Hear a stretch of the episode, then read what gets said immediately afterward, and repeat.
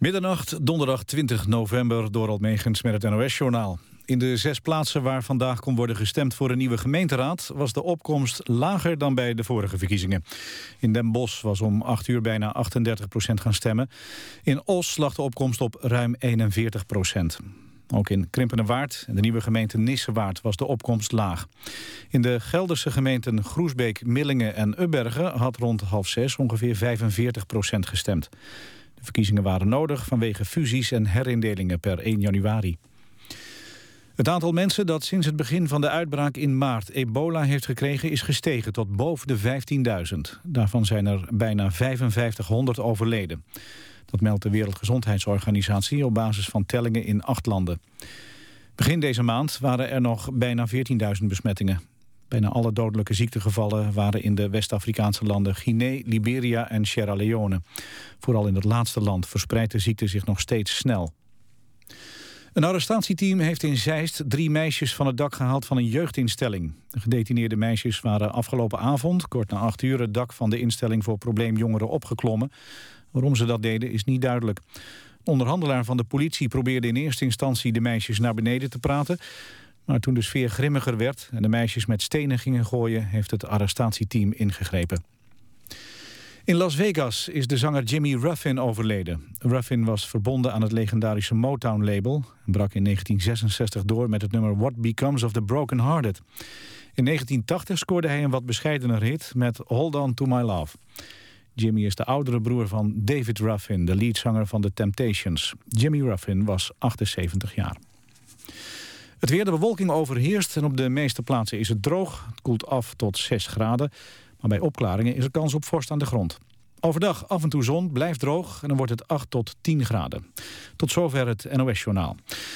AWB Verkeersinformatie, twee files. De A6 Muiden richting Lelystad. Tussen knooppunt Muiderberg en Almere Stad West. Een file van 5 kilometer. En de A13 Den Haag-Rotterdam. Tussen Delft-Noord en Delft-Zuid. Daar staat een file van 3 kilometer. En dat was de verkeersinformatie.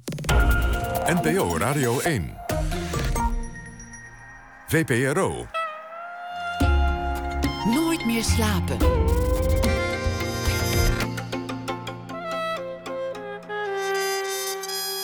Met Pieter van der Wielen. Goedenacht en welkom bij Nooit meer slapen. Het uh, ITVA is vandaag begonnen in Amsterdam, het Internationaal Documentaire Festival. Na ene praten we over ex-crimineel Viggo. Ooit was hij compaan van Bruinsma. Nu is hij al een tijdje op het rechte pad. En dat rechte pad blijkt niet een geplaveide weg. Het computerspel World of Warcraft bestaat tien jaar. Daarover gaan we het ook hebben na één uur. Maar we beginnen met Jos de Putter documentairemaker. In 1994 maakte hij een film over jonge voetballers in de favela's van Rio de Janeiro. Een film die in de tijd veel aandacht kreeg, veel lofhoogste. Ook werd gezien door Willem van Hanegem. En een van de jongetjes uit de film werd zodoende later een beroemde voetballer bij Feyenoord en uh, later bij andere clubs, Leonardo.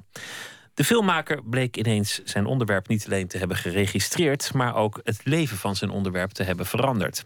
Voor de putter was dat uiteindelijk reden om twintig jaar later terug te gaan met Leonardo mee naar Brazilië. Het werd een film die aanstaande vrijdag in première zou gaan op het ITVA. Uh, Solo 2 is daarvan de titel. Jos de Putter is geboren in 1959 in Zeeuws-Vlaanderen. Maakte onnoemelijk veel films over Tsjetsjenië, over apen in de entertainmentindustrie, over Bob Dylan, over het boerenbedrijf van zijn vader en nog heel veel meer. Welkom, uh, Jos de Putter. Zullen we daar beginnen bij het? Want daar begon ook jouw uh, carrière als filmmaker bij het boerenbedrijf van je vader. Uh, ja. Het, het, is ooit de bedoeling geweest, zoals dat is in een boerenbedrijf, dat jij dat over zou nemen. Heb, heb je dat ooit serieus overwogen? Nee, nee, nee, nee. Nee, nee. nee ik ben niet. Uh, maar mijn ouders wisten dat denk ik al eerder dan ik. Dat ik uh, niet geboren uh, ben voor het boerenbestaan. Dus um, bovendien is het zo dat. Um, mijn ouders waren zeg maar zo een beetje kleine boeren. Um, dus in de, in de loop van de jaren zestig werd dat natuurlijk steeds minder.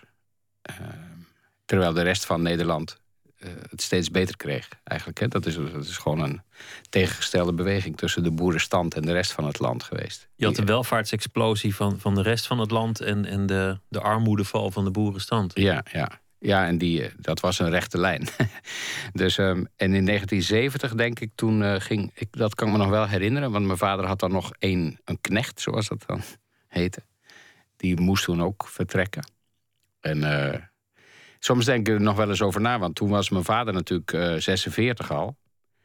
En um, had twee zoons van wie toen ook vaststond dat ze geen boer zouden gaan worden. Dus dan, dan word je bij 46 en vanaf dat moment moet je alles alleen gaan doen. Dat is toch wel uh, een ander bestaan. Hard werken. Je hebt daar een film over gemaakt. Het is, het is natuurlijk ook een klassiek onderwerp voor, voor een film. Het, veranderende leven en dan iets dat hetzelfde blijft. En, en bij voorkeur een, een, een boerenfamilie. Daar zijn internationaal in de, in de wereld prachtige films over gemaakt.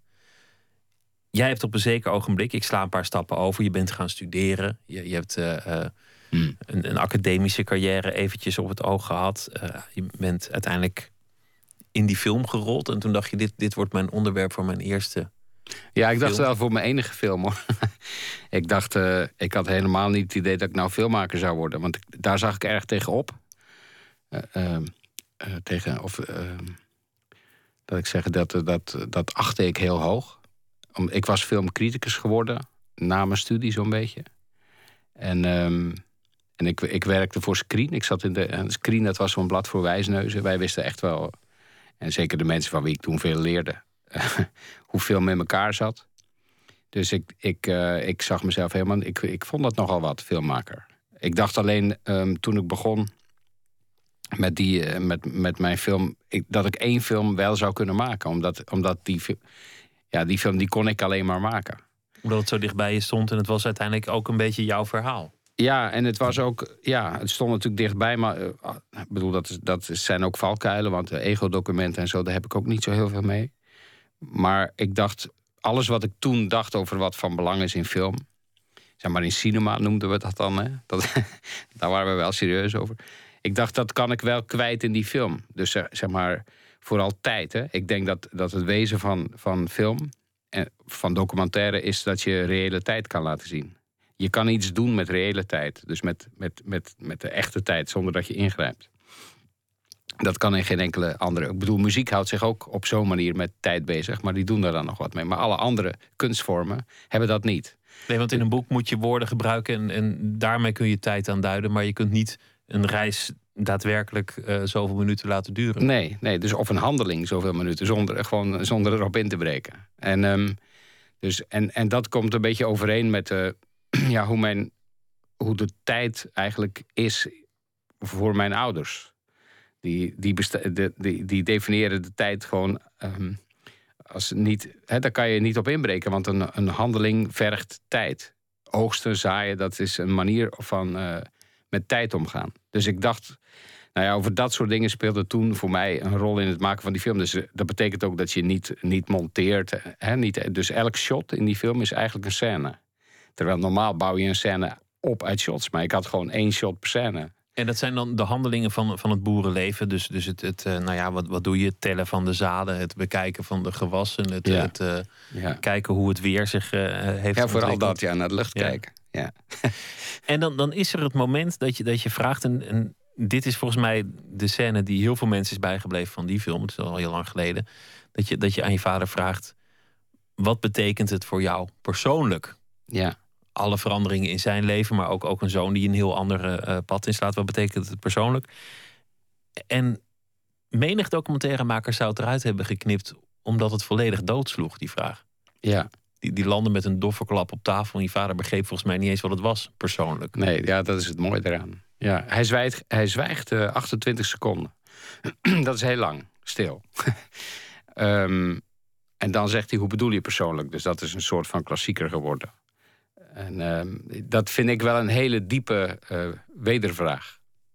Want dat, hoe bedoel je persoonlijk, is een heel ander jargon. Dat hebben wij vanaf de jaren 60, 70 uh, meegekregen dat dat van belang was. Maar de boeren die ouder zijn, die hebben geen idee waar dat over gaat.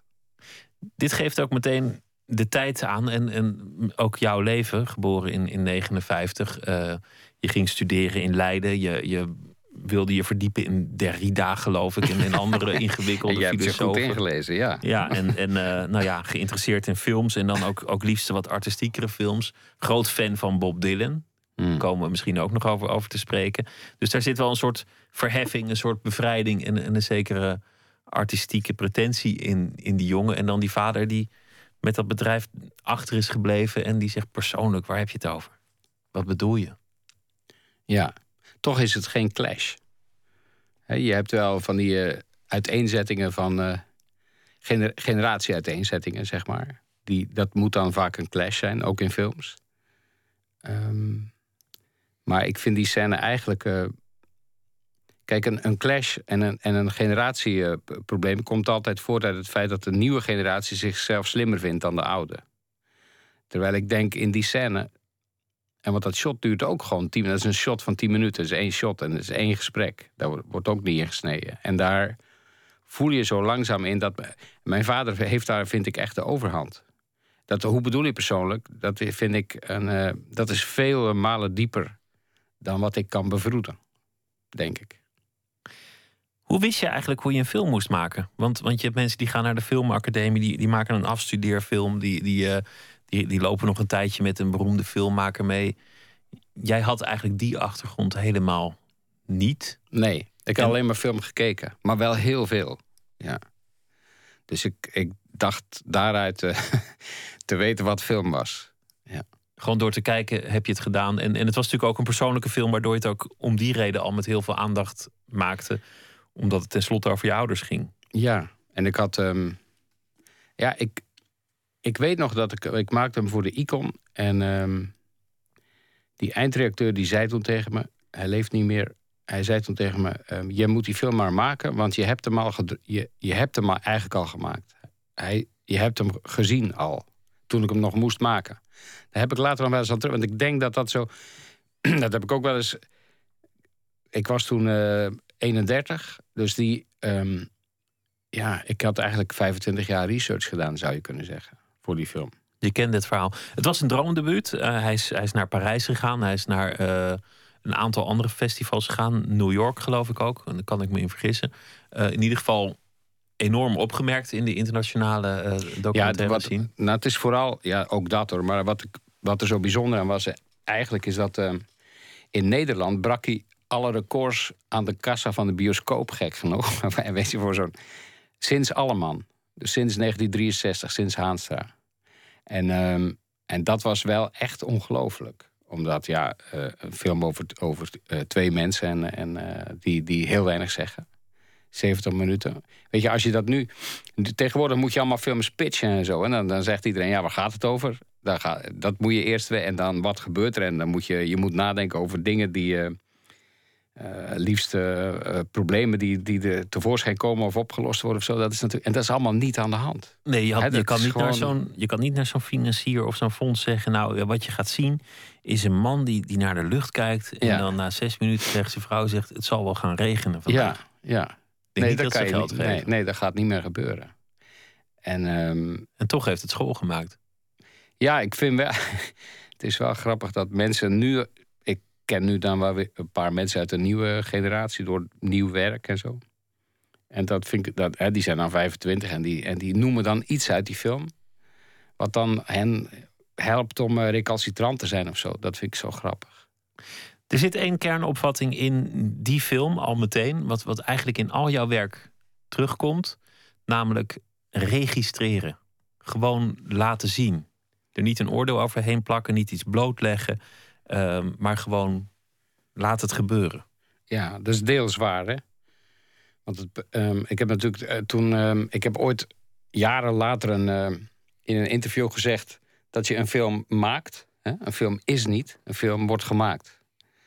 Dus ook als je registreert, maak je film door te bepalen of je camera bijvoorbeeld wel of niet beweegt. Ja, en door te knippen allereerst En al. door te grip, ja. Nou, Godard heeft dus gezegd, hè, want daar kom ik natuurlijk vandaan uit eh, dat soort theorieën. Die heeft dus gezegd ehm, dat elke eh, camerabeweging is een eh, ethische beslissing, een morele beslissing.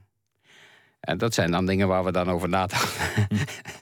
Ehm, en ik, snap, ik bedoel, ik snap het ook wel. Maar dus dat is. ehm, daarmee wil ik maar zeggen dat je een film maakt ook als het lijkt alsof je hem niet maakt. En soms ga ik een stap verder. Hè. Dus ik had, ik heb, dat is dan een soort van eh, beroemd geworden in de, in, klein beroemd natuurlijk, maar ehm, ik heb ooit mist gecreëerd. dus ik heb een rookmachine op de hoek van de schuur gezet omdat ik mist nodig had.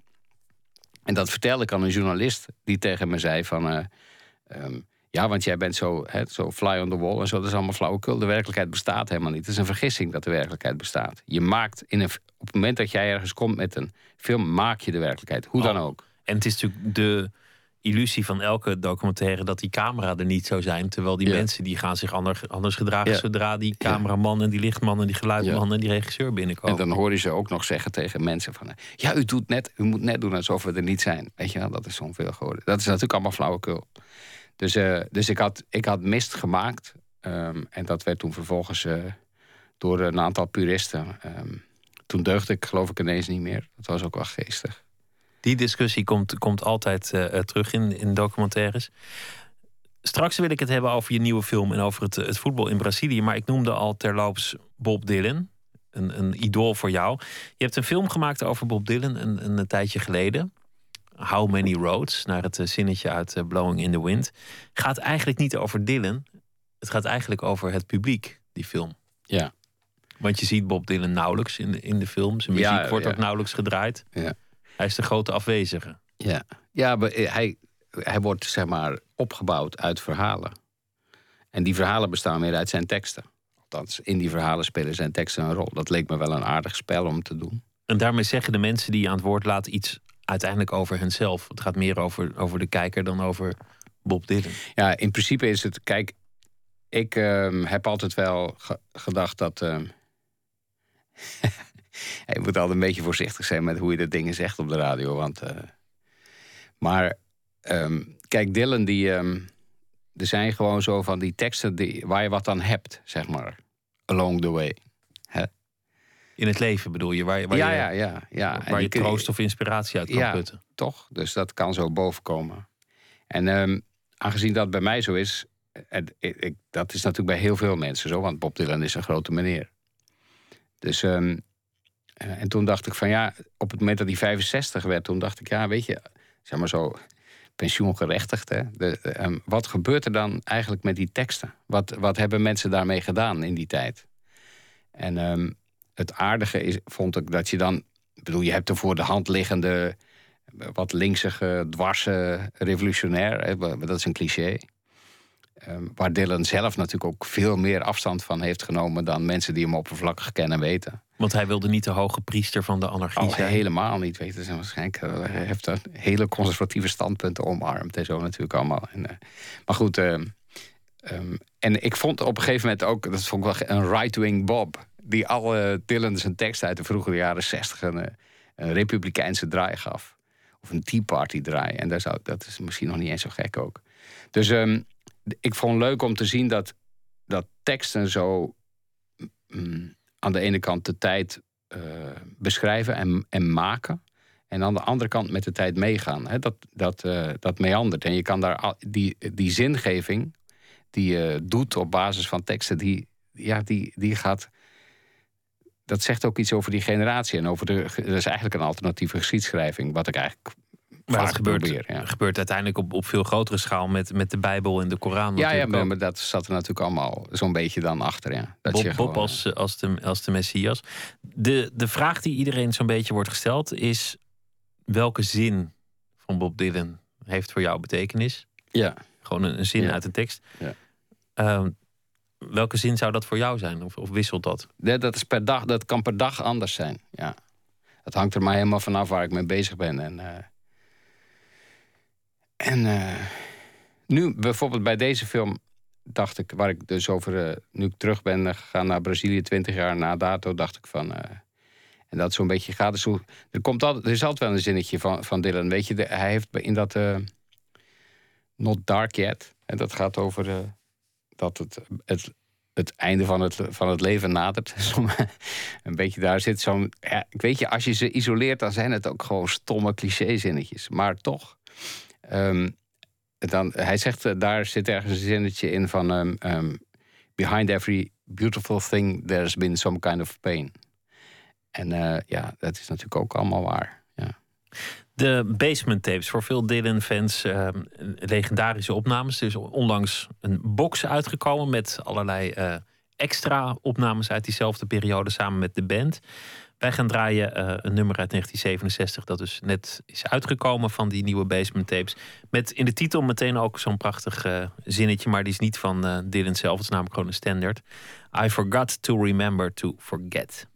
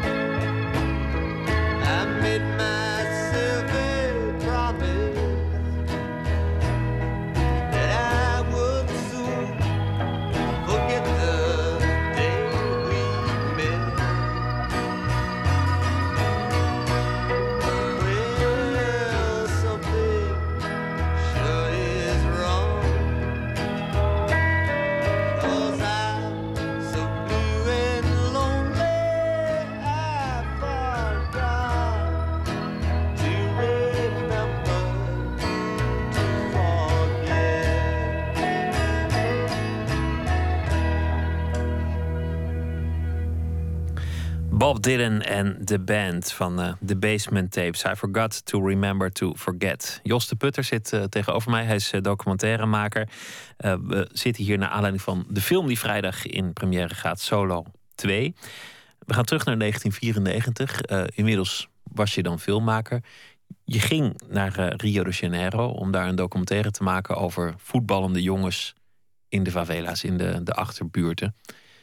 Wat bezielde je eigenlijk? Want nu is het er gevaarlijk. Nu moet je eigenlijk niet zomaar gaan en staan waar je wil. Er zijn buurten waar je gewoon echt stevig wordt ontraden om in te gaan. Zeker met dure apparatuur. Dat was toen nog veel erger. Ja. Wat, wat, wat bezielde jou als jonge uh, filmmaker om daar gewoon lekker een film te gaan maken? Ja. ja, weet je, als ik erop terugkijk, heb ik wel ik bedoel, ik heb wel een paar dingen gedaan die misschien waarvan ik nu denk. Maar nu heb ik kinderen. Ja, dat is toch heel eenvoudig in het leven, denk ik. Nu, ik kijk anders naar dat soort. Uh, ik bedoel, ik, ik stop eerder. Maar toen, uh, ja, toen wilde ik gewoon uh, film, filmmaker zijn. En, en ja, dat is toch net zoiets als, als de Mount Everest beklimmen of zo. Je, je, je, weet niet, ik bedoel, je, gaat, je weet niet waar het eind is, dat ben je aan het zoeken. Dus, ehm, Toch ben je niet echt een frontjournalist. Het, het gaat jou om heel ander soort verhalen. Het, Ja. het gaat jou niet om conflicten, om, om conflicthaarden. Eh, Het gaat ook niet om sensatie of, of, of dat soort dingen. nee, nee, ik, ik bedoel, nieuws dat moeten andere mensen doen. En, en ook eh, problemen, vind ik. Ik, ben, ik hou gewoon van verhalen. Ik, ik ben ook niet iemand die iets wil veranderen of zo. Eh, dat, eh, je hebt heel veel mensen die vanuit een eh, morele verontwaardiging of een politieke overtuiging een camera meenemen. Hè. Dat, vind ik echt. Ja, ik, moet, ik chargeer een beetje als ik zeg dat ik het onzin vind, want dat is natuurlijk soms ook belangwekkend of belangrijk, moet ik zeggen. Maar ehm, ja, weet je, als je de wereld wil veranderen, moet je volgens mij. Ik denk eh, dat je nu een alternatieve bank zou moeten oprichten of in de farmaceutische industrie iets doen. Maar film is gewoon een ander ding. Het is een ander medium. En ehm, Toch is je dat exact wel gebeurd met deze film. Geheel onbedoeld. In 1994, jij filmt jongens die, die een, een weg uit die favela zoeken. Die gewoon dromen van een beter bestaan. En nou ja, een van die wegen om jezelf te vermaken, want moeder wil je ook niet thuis hebben, is voetballen. Ja, ja, jij maakt daar een film over en een van die jongens wordt, mede dankzij jouw film, een beroemde professional. Ineens is jou exact gebeurd wat je wilde vermijden. Ja, nou, dat is de reden om terug te gaan naar ik- Kijk, als je gewoon teruggaat, dan maak je. Dan heb je zeg maar memory lane. Dan dan doe, maak je een soort nostalgische. Daar heb ik niks mee. Dus ik, ik heb de film nu opnieuw gemaakt. Of ik, of ik heb een vervolgfilm gemaakt vanuit precies die gedachte. Dat perspectief van waarom. Wat betekent het nou als je, als je met een film een leven niet afbeeldt, maar het. eh, eh, je moet voorzichtig zijn, want je weet niet wat er anders zou zijn gebeurd met hem. maar wat een leven in ieder geval mede, laat ik zeggen, mede heeft bepaald. Vrij rechtstreeks. Eh, het gaat over de voetballer Leonardo. Niet de, de legende van, van eh, Milaan ooit, maar de huidige Leonardo. Heel lang bij Feyenoord gezeten. Ik meen me te herinneren ook eventjes bij Ajax. Eh, inmiddels eh, zit hij eh, in Budapest. Ja, en alweer niet meer. Ook al Dus hij meer. is na Ajax is hij naar, Salz, naar, naar Red Bull gegaan, Salzburg. En ehm van daaruit naar Ferencvaros. En toen ik hem dus filmde deze zomer, was hij net voetballer van het jaar in Hongarije geworden. En hadden ze hem ook een Hongaars paspoort aangeboden, zodat hij nog wat kon maken van het Hongaarse team. Dus echt een topseizoen achter de rug. Maar toen heeft hij zijn trainer, hij volgt altijd dezelfde man, eh, Ricardo Moniz, dat is een Nederlandse trainer. Eh, want Leonardo doet alles intuïtief, hè, dus die doet alles op gevoel. En zo'n en Ricardo Moniz is belangrijk voor hem, dus dan gaat hij met hem mee, ook als hij naar 1860 München gaat. En eh, daar gaat het nu slecht. Dus Moniz was na een paar weken, of weet ik niet, na zes weken of zo al ontslagen. Leonardo op de tribune. Dus nu is hij heel ongelukkig. Ehm, ja, dat is eh, zoals het nu ervoor staat. Jij, eh, jij filmde hem als elfjarig jongetje in die favela's. Ehm mooie film gemaakt, mooi verhaal over, over eh, jongens en hun dromen. En, en mensen die. Ja, ook, er, er kwam ook een soort coach in voor die eigenlijk talent zocht Ja. in, in, die, in die wijk. Jij bent een enorme Feyenoord-aanhanger. Dat Ja. klopt toch? Ja, ja, ik ben wel een Feyenoorder, ja. ja. Ja, en. Daar eh, ben ik zo vroeg grijs door geworden. Door, door, door, door Feyenoord. Nou ja, Ehm, het toeval wil dat eigenlijk door jouw film Feyenoord denkt... Goh, nou ja, die jongetjes, daar wil ik eigenlijk wel wat mee. Da- Daar, daar zien wij wel wat in. Hoe, Ja. hoe is dat gegaan? Nou, het is, een, het is een beetje een curieus verhaal, omdat ik, ik had ehm, tussen mijn research en het draaien in 1994 zaten tien dagen. En in die tien dagen had ik bedacht, ik moet shirtjes hebben, zodat ik die kinderen wat kan geven. Want kijk, als ik in de Sloppenwijk ga betalen. In dat was nog de tijd dat je geen geld kon eh, overmaken naar Brazilië, hè, want dat bleef dan in de bank zitten. Dus ik, ik liep met cash daar, maar echt met 10.000 dollar. Maar in de sloppen omdat ik had geen producer, ik deed alles zelf. Dus ik, ehm, dus ik moest iedereen, ook mijn crew, gewoon kunnen betalen. En ehm, dus ik dacht, als ik, in de, als, ik, als ik een briefje uit mijn schoenen haal in de sloppen, dat is onverstandig. Dus ik kan beter shirtjes geven. Dus ik had ehm, mijn club Feyenoord gebeld en die zeiden, we doen niks aan de derde wereld. Uh, toen had ik PSV gebeld, want daar had Romario natuurlijk gespeeld. En die was toen de ster van het Braziliaanse team.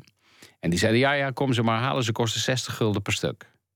Dus uh, ten lange leste en uit armoede heb ik toen Ajax gebeld. Waar een buitengewoon vriendelijke Tony Pronk zei... meneer, komt u ze maar halen, we hebben een paar tassen vol. Dus ik ben toen uh, als, toch als vrij serieuze Feyenoorder... met twee tassen vol Ajax-shirtjes naar Rio afgereisd. En uh, ik heb dat toen, uh, toen de film af was... heb ik dat, dit verhaal en alles... en ook over Leonardo in de film en zo... in de allereerste Hard Gras, voetbaltijdschrift voor lezers... dat was ook in september 94, dat nummer... Um, staat dat verhaal. En Henk Spaan, die, heeft toen, die was uitgever van Hard Gras ook... die heeft heeft dat toen aan Van Hanegem laten weten of zo. Het, het, dat zijpelt natuurlijk toch wel door dat een Feyenoorder met Ajax... Het was gewoon een grappig verhaal. En uh, Van Hanegem die zei toen van nou, kom eens praten. Dus ik, in januari 95 zat ik met mijn... En dat, is, dat is mijn kruif, zeg maar. Van Hanegem, zat ik tegenover Van Hanegem ineens.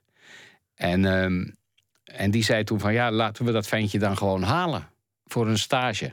Dat is van Hanegem, die, denkt, die denkt gewoon, ja, laten we hem dan. Uh. Toen zei ik, ja, als je hem haalt, dan moet je ook zijn vriendje, die, die is lang niet zo'n niet, niet zo goede voetballer. Maar ik wil niet op mijn geweten hebben dat er maar één komt.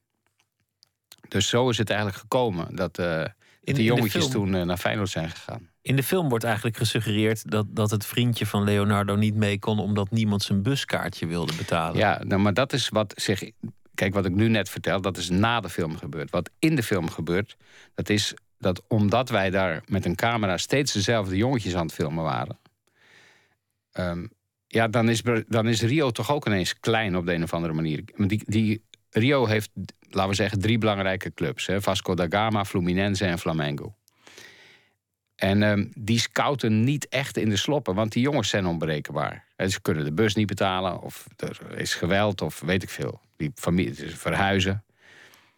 Maar omdat ik de hele tijd dezelfde jongetjes draaide, um, kwamen, kwamen er scouts kijken.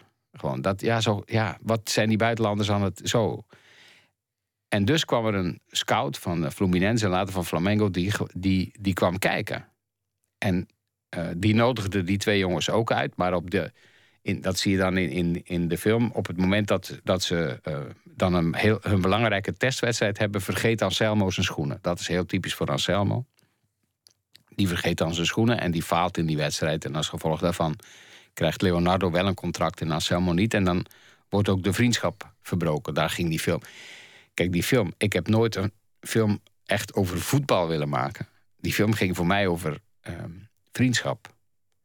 Het, hoe lang houdt een vriendschap stand? Als je, als je in het licht van succes, laten we zeggen. Ja, want als iemand weg weet te komen, uh, in hoeverre neemt hij zijn vriendjes mee of zoekt hij zijn vriendjes nog op? Of, of in hoeverre gaat hij toch op in, in zijn nieuwe kringen? Er was eigenlijk een kernscène in die film, die nu in mijn nieuwe film opnieuw een rol speelt, omdat Leonardo's moeder twintig jaar geleden zei: van jij moet gaan naar de club die het beste betaalt.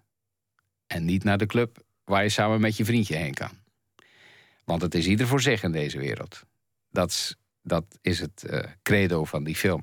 En het is natuurlijk ook ja, de basis van het bestaan van die mensen. Om het, om het verhaal uh, af te snijden, door de film komt hij terecht bij Feyenoord. Wordt een heel goede, heel succesvolle voetballer. Je laat aan het begin meteen een paar goals zien. Nou, dat zijn, zijn doelpunten, daar kan je van dromen. Dat, dat zijn, ze zijn zulke prachtgoals die die, die die jongen maakt. Hij gaat af en toe terug naar, naar zijn familie in, uh, in Brazilië. Die genieten natuurlijk ook van zijn succes. Niet in de laatste plaats financieel. Jij gaat mee. Het is, het is een reunie. Je komt zelf ook in beeld. De cameraman komt in beeld. De, de producer komt in beeld. Het is dezelfde crew als twintig jaar geleden. Wat op zich natuurlijk al bijzonder is. Ja je ziet dat het leven in de, in de favela's wel iets beter is geworden. Het is nog, nog steeds niet heel erg veilig en nog steeds niet heel comfortabel. Maar er is wel in twintig jaar. Ja, ik vond, uh, ik vond het heel verrassend dat je, zeg maar, een beetje bijna in de marge uh, daar iets van kan laten zien. Kijk, Leonardo die gaat terug naar zijn. Uh, naar, de, naar het huis waar ik hem. Of ja, huis is een heel groot woord voor wat het was. Waar ik hem twintig jaar geleden filmde. En ik ga daar natuurlijk niet researchen. Dus ik weet niet hoe het eruit ziet. Want ik weet, normaal gesproken is het daar te gevaarlijk. Dat was in ieder geval zo. Dus we gaan daarheen. En we komen in een, in een IKEA-interieur. Dus in de sloppen, er is een, een, een plasma-televisie, er is een, uh, ja, zo'n, hè, dus het is helemaal behangetjes en alles. En, en Leonardo, die, uh, ik, maar ik, ik was net zo verbaasd als hij. En dus ergens in de marge van zo'n, van zo'n vertelling zie je dan ook, ja, dat is toch, denk ik, wat Lula heeft gedaan voor Brazilië. Dat, is, dat is toch, uh, dat ergens op de een of andere manier, omdat hij die middenklasse heeft weten te stabiliseren, dat wat daar net onder zit, daar ook van profiteert. Alleen als je dan dieper de favela ingaat. En dat heb ik dan wel gedaan omdat ik nog een derde karakter wilde vinden. Uh, die ik ook twintig jaar geleden had. Zo'n vissersjongen. En dat is wel echt. En da ja, daar is dan gewoon niks veranderd natuurlijk. Dus je ziet, die, dat onderscheid is er wel. Die, uh, dat is echt ellende. Want die vissersjongen die, die vist naast vis ook vooral heel veel lijken. En hij ja. is de moedige van de vissers die ook de lijken uit de netten durft ja. te knippen. Want, want iedereen die iets verkeerd doet, die eindigt in het water. Ja, maar dat. Kijk, dat zijn, zo, dat zijn dingen waar ik dan uh, kippenvel van krijg, om het zo maar eens te zeggen. Ik, ik weet niet of ik dat jongetje kan vinden. Die twintig jaar geleden in mijn film gingen we vissen. En dan zegt zijn opa tegen hem van... Uh, weet je, als jij geen voetballer kan worden... want dat weet zijn opa natuurlijk wel... dan, moet je, dan moet je visser worden. En ja, dat neemt hij ter harte. En dan, dan zijn ze op het water en dan drijft er een lijk voorbij. Ik had nog nooit zoiets gezien. Hè? Dus iemand die gewoon is gefusilleerd, uh, die afgeslacht en gedumpt in het water. Ongelooflijk heftig. Um, en ik zie die jongen twintig jaar later. En hij had nog altijd. Zijn meisje staat er nu naast, de moeder van zijn kinderen. En ze zegt: Ja, hij is niet zo groot, maar hij is wel dapper. En hij is de, een, de enige die nog steeds alle lijken uit de netten haalt. De rest doet het niet. En de wil van God wordt er natuurlijk uh, ja, dat is allemaal bijgehaald. Ja, dat, is zo, ja. dat, dat, dat geeft ook troost. De, de, vraag die je in de eerste film stelde en die nu ook aan bod komt is... wat doet succes met een vriendschap? Iemand weet weg te komen uit de, uit de sloppen. Wat blijft er over van die vriendschap? Er zit nog een andere vraag aan, want het is natuurlijk niet alleen het niet omkijken... want Leonardo die, die belt eigenlijk die oude vriendjes niet... en die oude vriendjes die worstelen met nou, de een als, als visser en de ander... Die, die moet een bank afbetalen die nog steeds rechtop in zijn kamer staat omdat die niet past. Ja, past, dat is natuurlijk Anselmo ten voeten uit. Zoals hij zijn twintig jaar geleden zijn schoenen vergat. Op het moment dat hij zich moest bewijzen. Zo beet hij nu de bank niet. Ja, zo koopt hij nu een bank. En hij meet hem wel op, zegt hij nog. Maar als hij dan arriveert, is hij te groot. En dan, moet, dan kan hij hem dus alleen maar rechtop in dat uh, huisje zetten. Maar hij moet hem wel afbetalen. Ja, ja. tragisch. Maar Leonardo kijkt eigenlijk niet om. Hij, hij, hij, hij zoekt die mensen normaal gesproken niet op. Hij, Nee. hij, hij is gewoon bezig met zijn nieuwe leven. Zijn familie, die zoekt hij wel op. Die hebben een, een groot huis gekocht van het geld van, van Leonardo. Eigenlijk zit daar misschien wel een veel grotere tragiek in. Ja, zeker. In zo'n zo'n voetballer die ineens ja, rijk is geworden. Ja. Kijk, hij heeft een, uh, in zo'n in zo'n compound, hè, er staat een muur omheen, heeft hij een huis van 3 miljoen euro gekocht. Dat is, uh, ik bedoel, in Brazilië is het, is het vastgoed wel uh, ook, een, ook zo'n explosie waarvan je afvraagt hoe lang dat gaat dat volhouden. Hè? Maar goed, een huis met een zwembad, ja, zo'n soort half, zo'n villa. Met een muur eromheen en bewaking eromheen en de hele, ja, eromheen. Ja, ja, de toeters en bellen. En, dan, um, en daar woont zijn moeder. Maar zijn moeder is daar natuurlijk, ja, die is daar denk ik heel eenzaam dat, ik, ik spreek even daarover, maar dat geeft ze dan ook niet. geeft ze dan zo half toe. Hè, van ja, ik spreek wel met mensen, maar ja, hier. Dat is natuurlijk. Zij spreekt natuurlijk een heel andere soort Portugees dan de mensen in, die, in zo'n wijk. Zij spreekt gewoon het Portugees van, uit de sloppen. En hoewel ze nu ook juwelen heeft, zo mensen voelen dat, zien dat meteen, horen dat meteen, ruiken dat. Dus zij heeft daar geen vrienden. Dus zij zit daar helemaal alleen te wachten op, maar niemand weet op wat. En, um, maar tegelijkertijd weet zij waar ze vandaan komt. En nu ze daar zit, dat is alles erop gericht om dat ook vast te houden. En zij vindt Leonardo onverantwoordelijk met zijn. Die jongen die spendeert natuurlijk geld. Die is 31, die, uh, die geeft. Maar het probleem is dat als hij naar Brazilië, naar Rio komt... dan komt hij natuurlijk alleen maar mensen tegen die iets van hem willen.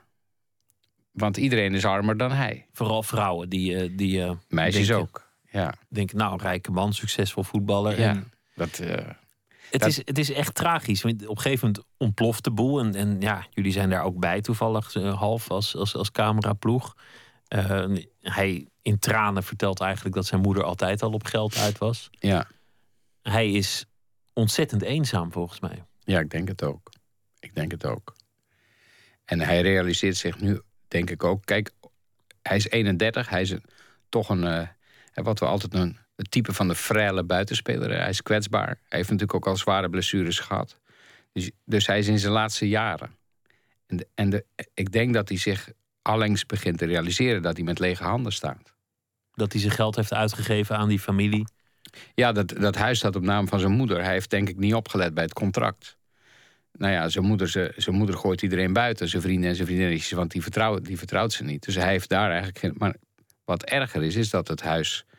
Ehm, uiteindelijk, als zijn moeder er niet meer is, dan gaat het naar... Hij heeft één broer, dan gaat het naar hem. En, want ja, het, het gaat niet tussen die mensen meer. En Leonardo heeft het nakijken. Daar, ik bedoel, in ieder geval zoals het nu is... Uh, nou, hij moet de, de laatste jaren die hij als voetballer heeft... Uh, goede contracten tekenen en goede wedstrijden spelen, denk ik. Ik denk het ook. Laten we gaan luisteren naar um, muziek wederom uh, van David Bowie dit keer. Nothing Has Changed Het was een driedubbel album met het beste van David Bowie. En een nieuw nummer dat vorig jaar onverwacht werd uitgebracht. Where Are We Now?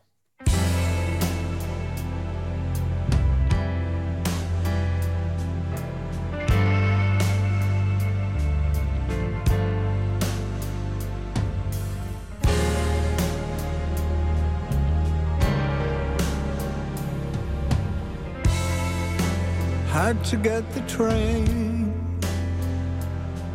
from Potsdamer Platz.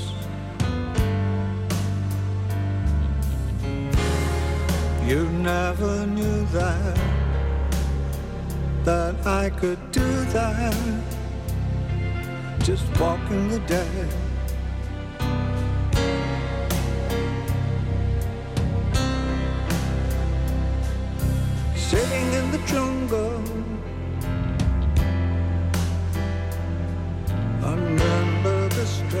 Straße.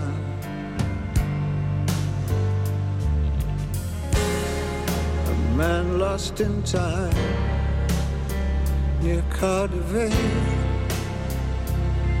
just walking the dead.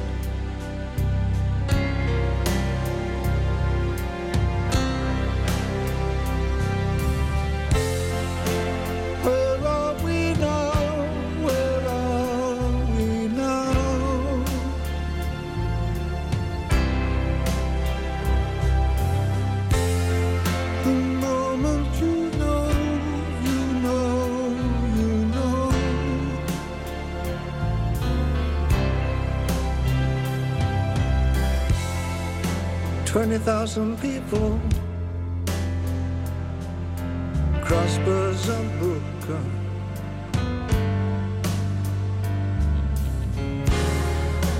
Fingers are crossed just in case. Walking the dead.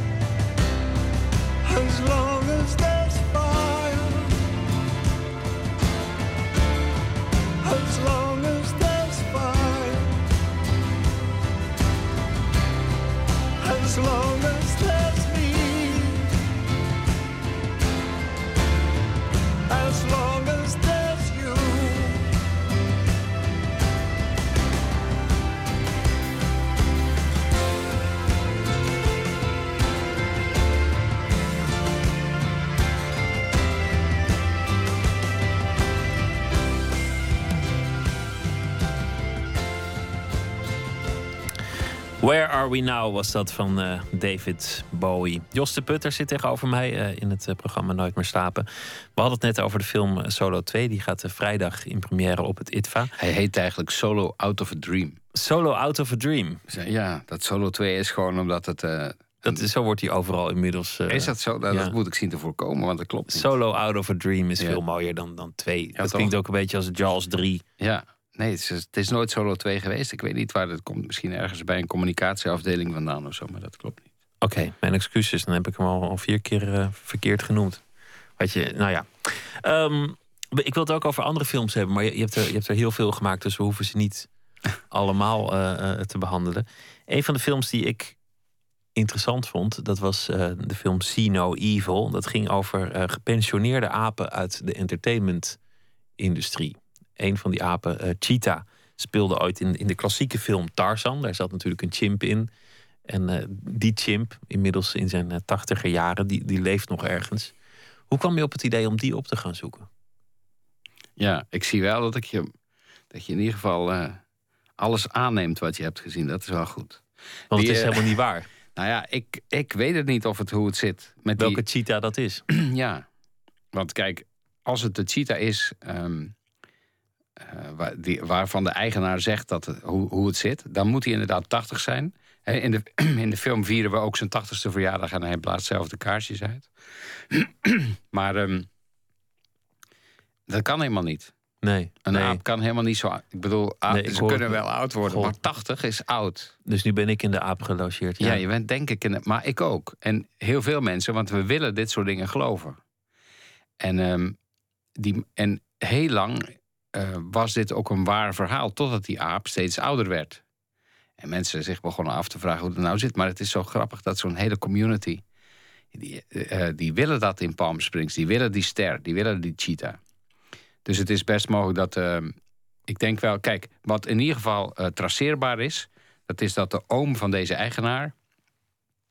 inderdaad een trainer was in Hollywood. En die heeft inderdaad chimps voor Tarzan getraind. En een van die chimps die zit daar nu op die patio oud te worden. En uh, die heb ik gefilmd. Um, maar of hij nou daadwerkelijk met Johnny Weissmuller uh, uh, in de studio heeft gestaan, dat is, nog, dat is toch maar helemaal de vraag. Nou is het wel zo dat voor elke Tarzan-film waren er wel zes cheetahs. Want je had een cheetah die grappig kon lachen, hè, met zo'n lip optrekken. Je had een cheetah die op, een, op een leeuw kon springen. En je had een cheetah die wel aan het handje van Maureen Sullivan wilde lopen... en eentje die dat niet wilde. Dus uh, um, je had een hele batterij die uiteindelijk één cheetah vertegenwoordigde. Altijd, per film. Ik heb ook wel eens het bericht gehoord dat, dat zo'n beroemde filmaap overleden was. Dat, dat, dat ja. duikt af en toe op. Dat, dat een beroemd filmdier, meestal zijn het apen... Ja. in een bejaardenhuis overleden zou zijn. Nou sterker, tijdens mijn research kwam er het bericht dat de laatste cheetah in Florida was overleden. En toen dacht ik, ja, wacht. Want de mijne die zat in Palm Springs, in Californië. Dus uh, toen, ik dacht nog heel even, hij is misschien verhuisd. Want die, die eigenaar van, die wilde, die wilde ook niet dat ik hem filmde. Dat is allemaal, heeft allemaal heel lang geduurd voordat ik toestemming had om... Uh, niet, uh, al die eigenaars van die apen zijn ongelooflijk moeilijk. Je krijgt ook verschrikkelijk contracten en dergelijke. Maar um, Um, dus, dus er zijn overal deze die, uh, die filmapen. Ik had dan deze um, uiteindelijk gevonden omdat het, zo, omdat het decor zo mooi was. Ik, eh, zo ben ik eigenlijk op die film gekomen. Ik zag een foto van een aap in een lounge chair aan een zwembad. En, en toen dacht ik, ja, wat doet nou een aap aan een zwembad in zo'n, in zo'n lichtstoel? He, dat is toch... Uh, dat is toch heel merkwaardig. En, toen... en ook een boek aan het lezen, wat, wat ook ja. niet echt apengedrag is. Nee, nee. Ja, en dus uh, daarna ben ik dan zeg maar van de ene verbazing in de andere gevallen. Maar zo is het een beetje begonnen dat ik dacht van... Maar toen, uh, ik dacht, ja, kijk, als ik een film over apen wil gaan maken... dan um, heel praktisch is het zo dat ik moet erbij kunnen. He, alle apen, want dat zijn wilde dieren zitten achter tralies of achter glas en dan kijk ik naar apen. En dat wilde ik niet. Dus ik moest, ik moest, een op, ik moest uh, tegenover een aap kunnen zitten zoals ik tegenover jou zit. Zonder iets ertussen. Dus, uh, dus dat beïnvloedde al heel erg mijn zoektocht.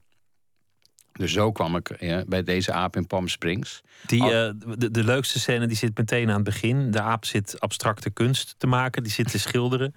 De eigenaar vertelt dat hij die eh, een doeken voor heel veel geld verkoopt. En die noemt het abstract art. Ja, dat is een beetje corny natuurlijk. Ja, dat vond ik leuk. Ja, vond je het wel leuk? Ja, dat dat is een beetje grappig. slechte smaak, ja.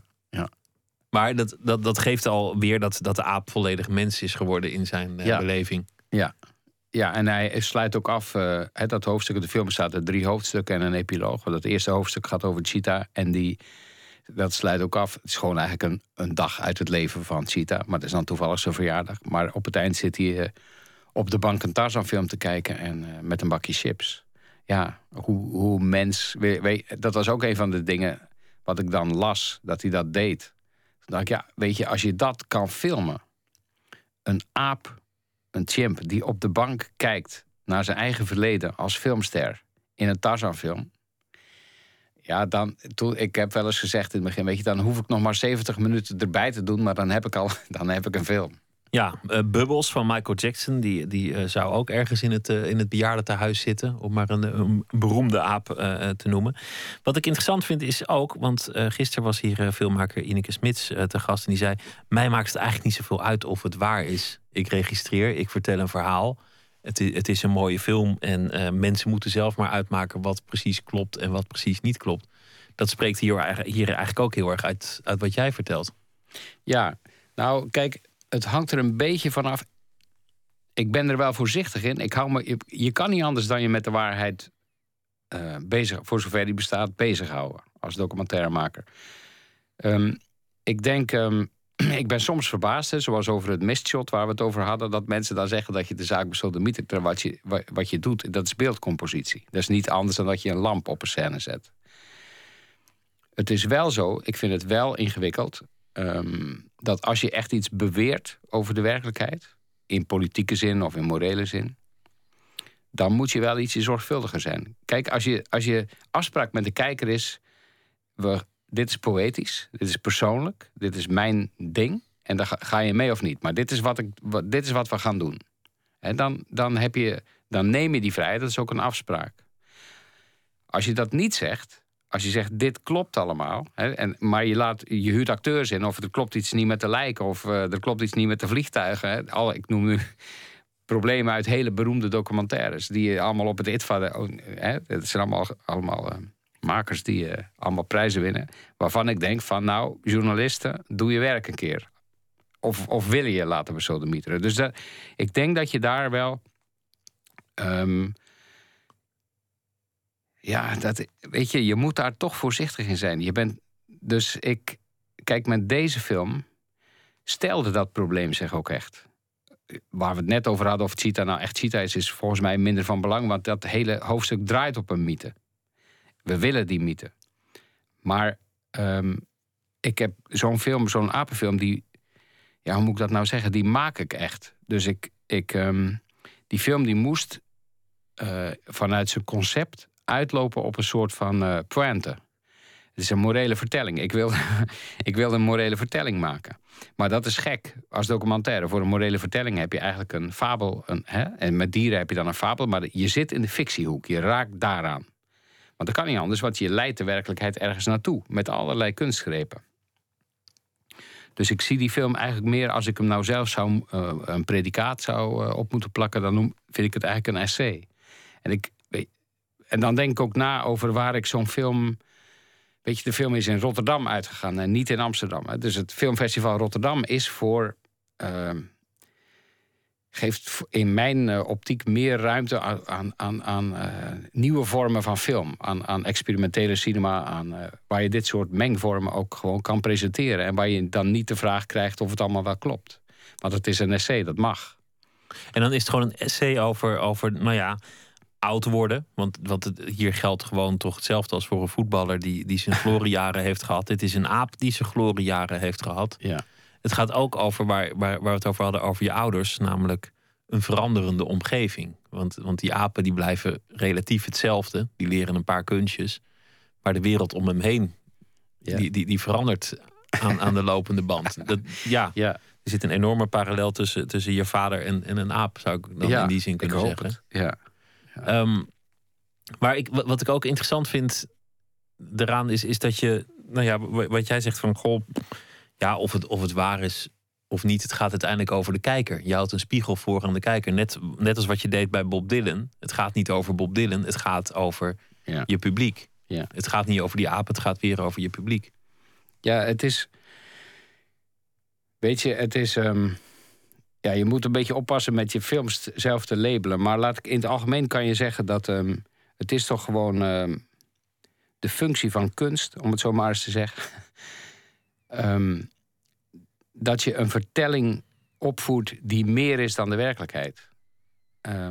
Want juist daardoor heb je een ander begrip kan je een ander begrip creëren van de werkelijkheid. Of puur een esthetische ervaring. Dat je denkt dat het gewoon mooi is. Weet je wel, dat wordt ook nog wel eens vergeten. Of dat een er mooi gewoon verhaal. iets met je gebeurt. En ik merk ook dat jij denkt in, in vertelvormen. Hè, van het is een Griekse tragedie, of het is echt een drama, of het is echt een, een, Ja, een, ja, een ja. essay. Ja. Daar, daar moet die werkelijkheid zich natuurlijk ook nog een beetje naar schikken. Ja, maar ik heb dat soort handvaten nodig. Dat is wel zo. Ik ben eh, tegenover de werkelijkheid ben ik kansloos.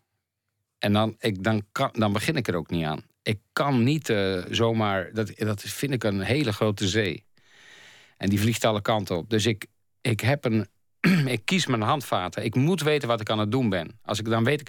Dus ik redeneer. Als ik naar de werkelijkheid kijk, redeneer ik altijd in genres.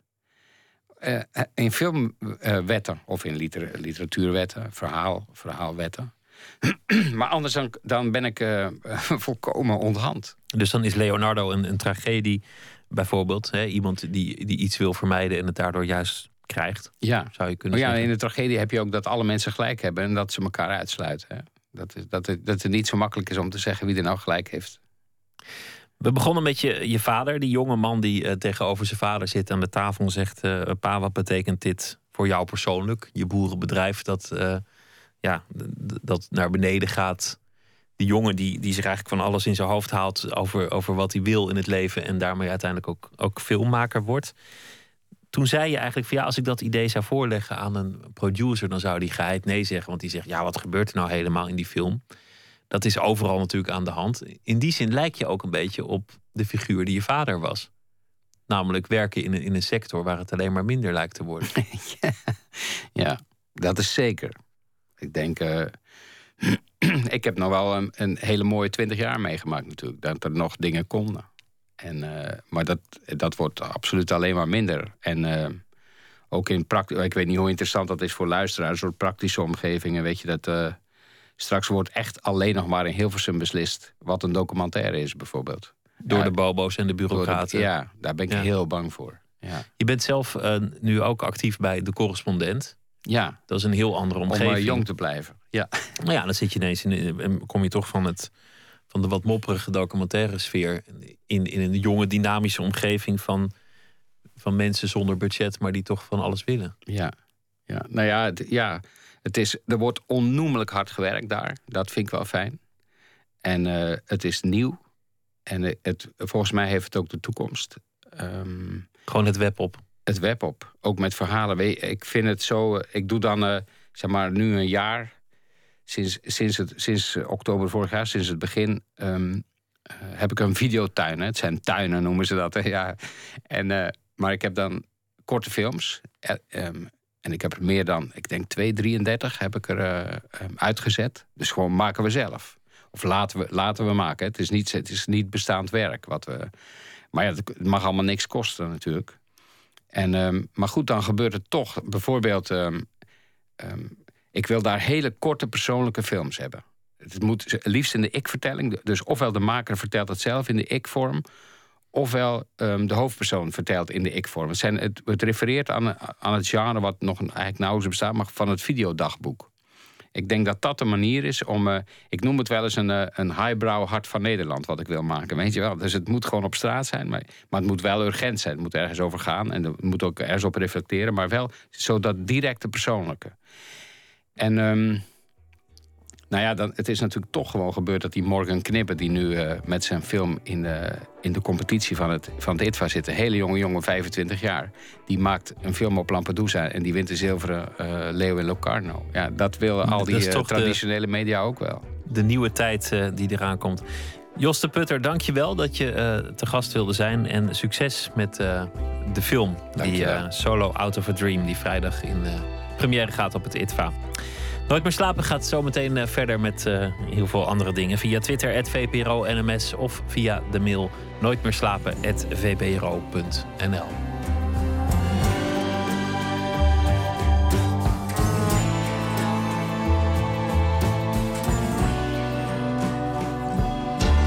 Op Radio 1, het nieuws van alle kanten.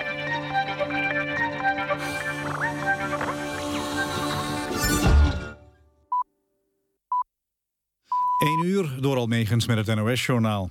Uit de eerste voorlopige uitslagen van de gemeenteraadsverkiezingen... in zes nieuw te vormen gemeenten... blijkt dat vooral lokale partijen het goed doen. En van de landelijke partijen doen coalitiepartijen VVD en PvdA... het slechter dan de oppositie. De SP is in thuisstad Os met negen zetels niet langer de grootste partij. Dat werd daar de lokale partij VDG met elf zetels. In Den Bosch is D66 de grote winnaar. Die partij krijgt er vijf zetels. Ook VVD, CDA en de lokale partijen Bosbelang en Rosmalens Belang haalden vijf zetels. Maar ze kregen minder stemmen. En in Alkmaar won de lokale partij OPA, de onafhankelijke partij Alkmaar. De opkomst was in de meeste gevallen lager dan bij de vorige verkiezingen. Landelijke politici zijn over het algemeen tevreden met de eerste uitslagen... maar ze benadrukken ook dat die niet één op één naar de Haagse politiek kunnen worden vertaald. Het aantal mensen dat sinds het begin van de uitbraak in maart ebola heeft gekregen... is gestegen tot boven de 15.000. Daarvan zijn er bijna 5500 overleden. Dat meldt de Wereldgezondheidsorganisatie op basis van tellingen in acht landen. Begin deze maand waren er nog bijna 14.000 besmettingen. Bijna alle dodelijke ziektegevallen waren in de West-Afrikaanse landen Guinea, Liberia en Sierra Leone. Vooral in dat laatste land verspreidt de ziekte zich nog steeds snel. In Las Vegas is de zanger Jimmy Ruffin overleden. Ruffin was verbonden aan het legendarische Motown-label... en brak in 1966 door met het nummer What Becomes of the Broken Hearted. In 1980 scoorde hij een wat bescheidener hit met Hold On To My Love. Jimmy is de oudere broer van David Ruffin, de leadzanger van The Temptations. Jimmy Ruffin was 78 jaar. Het weer, de bewolking overheerst en op de meeste plaatsen is het droog. Het koelt af tot 6 graden, maar bij opklaringen is er kans op vorst aan de grond. Overdag af en toe zon, blijft droog, dan wordt het 8 tot 10 graden. Dit was het NOS Journaal. NPO Radio 1. VPRO. Nooit meer slapen.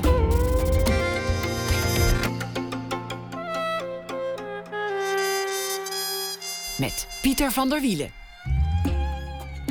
U luistert naar Nooit meer slapen. Maarten Doorman is uh, filosoof, dichter en essayist. Hij schreef boeken Rousseau en ik, De Romantische Orde en Je kunt bellen.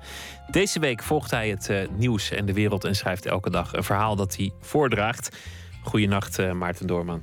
Dag Pieter. Goedenavond. Zo, wat was, het, wat was het voor dag vandaag? Het, het, was een, voor mij eigenlijk wel een goede dag. Ik was lekker aan het werk. Ik heb ook wel veel kranten gelezen. En ik heb eigenlijk ook wel een aantal dingen ontzettend zitten erger eigenlijk van, vandaag in de publiciteit. Oké. Okay. Dus, uh, als, als, als, ik een beetje eventjes stoom mag afblazen. ja, dat mag. Dat ja. ga je gang. Ik zag bijvoorbeeld in verschillende kranten zag ik een berichtje staan van, de, van een onderzoek dat de EO in gang had gezet. gezet en daarvan luidde de headline... 80% van de Nederlanders heeft geen contact met moslims. Dat stond in de Telegraaf, dat stond in de Volkskrant. Zag nog ergens opkomen. Maar het is een ontzettend rare zin eigenlijk. Ja, wat is nou... contact? Nee, maar wat nog gekker is, zijn die moslims dan geen Nederlanders? Het is eigenlijk precies dezelfde zin als 80% van de Nederlanders heeft geen contact met Rotterdammers. Oh ja, nee, ja, wiskundig, ja, nee, dat, je hebt helemaal gelijk. Moslims zijn ook... Zin. Ja, Tuurlijk, het valt bijna niemand meer op. Het is nou, toch een nee. beetje, beetje gek land waar we in leven. Nou, en dan is verder de hele dag tot laat in de nacht werden, werden we doorgezaagd over de kapers bij de punt. Daar heb ik me eigenlijk ook ongelooflijk aan geërgerd. Gelukkig zag ik nog een stukje bij Pauw, heet dat tegenwoordig, van, waar een oude journalist bij zat. Die uh, een paar verstandige dingen over zei. Maar het leek wel alsof, alsof die de slachtoffers waren van die treinkaping. Maar er zaten toch echt 50 mensen 20 dagen lang opgesloten onder doodsbedreiging. En een paar jaar daarvoor was een, een treinkaping geweest waar een aantal mensen zijn geëxecuteerd. Maar het gaat alleen maar over de slachtoffers onder de Molukse gemeenschap. Dat vind ik ook wel een beetje raar. Ja, de, de, de vraag was natuurlijk of, of van Rijkswegen de opdracht is gegeven van wat er ook gebeurt, ze zullen het niet overleven, executeer die lui. Of dat ze gewoon bij een vuurgevecht om die trein te bevrijden om het leven zijn gekomen. Het maakt, natuurlijk wel verschil. nee, het maakt eigenlijk niet zoveel verschil. Want de praktijk waarin je uh, zo'n trein binnengaat, dat is natuurlijk, het is donker. En uh, je staat onder enorme spanning. En wij zijn als Nederlandse samenleving helemaal niet meer gewend aan militair geweld. En het heeft iets heel erg moois en pacifistisch, en daar sta ik ook helemaal achter. Maar de schaduwkant ervan hebben we ook in Srebrenica gezien. Daar staat een Nederlands leger. En wij vinden het als Nederlanders echt belachelijk dat Nederlandse soldaten hun geweer gebruiken. Maar wel willen we weer met z'n allen die soldaten naar Afghanistan sturen... met een missie die dan weer gaat opleiden en weer wel de kazerne in of niet. En weet je, het is zo hypocriet. En als je nog weet hoe Den Uyl en het kabinet eindeloos heeft geworsteld om niet in te grijpen en te onderhandelen. En nu gaat dan met terugwerkende kracht 37 jaar later de overheid nog aangeklaagd worden. Ik vond wel een beetje een surrealistische discussie. Ik geloof niet dat je die in een ander land uh, snel had uh, meegemaakt. Nee, sterker nog, in Frankrijk hadden ze in de jaren tachtig allerlei kapingen. En daar, dat is ook gewoon openlijk toegegeven dat de opdracht was aan de, de, de militairen niemand die een gijzeling pleegt zal het overleven. Ja, ja ik, kijk, ik ben daar niet meteen voor hoor. Maar dat nu dus eigenlijk uh, de zaak helemaal is omgekeerd. Ik, ik vond het wel een beetje ver gaan. Dus dat heeft een mooi essay opgeleverd. Ja, nou eigenlijk geen essay, maar wel een verhaal. Dat speelt zich af in, in de wasseretten. Omdat ik, dat eigenlijk, ik wil eigenlijk al jarenlang eens een keer een toneelstuk schrijven... dat zich uh, in een wasserette afspeelt. Maar goed, zover is nog niet gekomen. Dus ik doe nu even met dit uh, verhaal. En dat begint met een herinnering van een maand geleden voor mij. is een beeld dat me blijven bijhangen uit het nieuws. We hadden het er gisteren ook al even over. Er zitten onder het nieuws eigenlijk een soort draden. Hè? Die blijven de hele tijd uh, een beetje nog voortboekeren. En dat is dat nieuws van die baby die in die vuilcontainer is aangetroffen. Zo'n zo'n bizar moment. En dat past zo mooi op uh, het nieuwsbericht, althans voor mij was dat zo... van de zogenaamde jihadbruid uit Maastricht... die door haar moeder gered werd in Syrië. Je kunt vast niet volgen, maar ik ga gewoon het verhaal voorlezen... en dan, uh, en dan wordt alles duidelijk. Draag voor als je wil. het heet Wasseretten. Hoe hoor je een kind in een container, zei Wak. Dat hoor je niet. Hij wist dat je niet op de machines mocht zitten... Zo'n baby maakt geen geluid. Die ligt twee meter onder de grond en de klep zit dicht. Machine 6 was nog vrij. Beer begon zijn broeken erin te proppen. Sokken. Een overhemd. Onhandig. Alsof hij blokken hout in een te heet vuur duwde. Ga van dat ding af, zei de baas. Zij was veruit de langste in de zaak. Ze maken een kraamwensenboekje, zei ze, om die baby toch iets mee te geven. Zelfs al doe je hem open om er een zak in te gooien, zei Wak. En het is donker, hè? Het was nacht, hè? Je ziet niks. Het was vier uur s'nachts. Beer kreeg die deur niet dicht. Jezus, een kraamwensboekje, zei hij. Je propt hem te vol, zei Lange. Is het wel gewogen? Kijk jij wel eens naar beneden als je die zak erin mikt? Vroeg Wak, hallo? Ja, die vrouw kwam van haar werk, zei Beer. Ze dacht dat het een babyfoon was die nog aanstond. Hij ontcijferde de omgekeerde letters op het raam. Strijken, drogen, vouwen, wassen. Zet het geluid eens harder, zei Wak. Op de televisie was de foto van een vrouw in Nikab. De uit Maastricht afkomstige Aisha is in Nederland terug, hoorden ze. De 19-jarige jihadbruid is door haar moeder gered. Beiden kwamen vanmiddag uit Turkije op Schiphol aan. Vlak na elkaar begonnen twee centrifuges te draaien. Beer herkende een overhemd achter het glas. En toen een sok. Wak, ga van die machine af, riep de baas. De deur van de zaak opende met een koude vlaag. Twee gesluierde vrouwen kwamen binnen. De centrifuges waren stil. Trouw zoemend de twaalf machines hun programma af. Zoals je het gisteren ook deed, de, de, de lijn onder het nieuws en eigenlijk het nieuws ook weer, weer onder de alledaagse realiteit. Als je de, de berichten die je, die je achter elkaar noemt bij elkaar gooit, dan gaat het er eigenlijk over dat wij hier in het Westen geen zin meer hebben in geweld. Dat we een gruwelijke afkeer van elke vorm van geweld hebben. Ook als het gaat om iemand die een trein met machinegeweren gijzelt en die daar zelf bij om het leven komt. Dan vinden we dat nog steeds gruwelijk geweld. Ja. Zou je kunnen zeggen, nou ja, dan zijn we beschaafd geworden, want geweld is ook gruwelijk. Maar de rest van de wereld en, en heel veel andere mensen, die denken daar heel anders over, over geweld. Ik bedoel, de, de gedachte dat je geweld kunt uitbannen door het walgelijk te vinden, lijkt me vrij naïef. Ja, ja, nou, er zit een soort hypocrisie, hypocrisie in.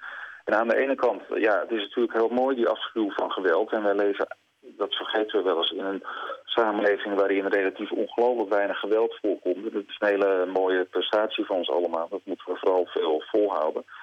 Maar op het moment dat, je, um, dat er dingen gebeuren uh, waarin geweld moet worden ingezet... om dan te zeggen dat dat niet moet, ja, dat is heel naïef inderdaad. Uh, maar goed, daar hebben we natuurlijk een prachtige traditie in hè, als Nederlanders. Als je denkt aan uh, de beide wereldoorlogen, met name de tweede... waarin Nederlanders op de fiets de Duitse legers gingen bestrijden. Ik weet wel, dit is een beetje gechargeerd, maar het is de Nederlandse militaire geschiedenis is niet een van helder verhalen, zal ik maar zeggen. Nee, soms in het leven moet je er uh, gewoon op slaan, is uh, uh, feitelijk de moraal. Het, Ja. er was nog één leuk berichtje vandaag. Dat, ik wilde het gewoon even noemen hoor. Niet, niet om er iets plechtigs over te zeggen. Maar dat is dat de NS Publieksprijs is uitgereikt aan Michel van Egmond. met zijn boek Kieft. Over een, een voetballer met zijn moeilijkheden na een succesvolle carrière. Ja, ja vond, ik, vond ik een leuk bericht. Gefeliciteerd. Ja. ja. dat was een leuke voetballer, Kieft.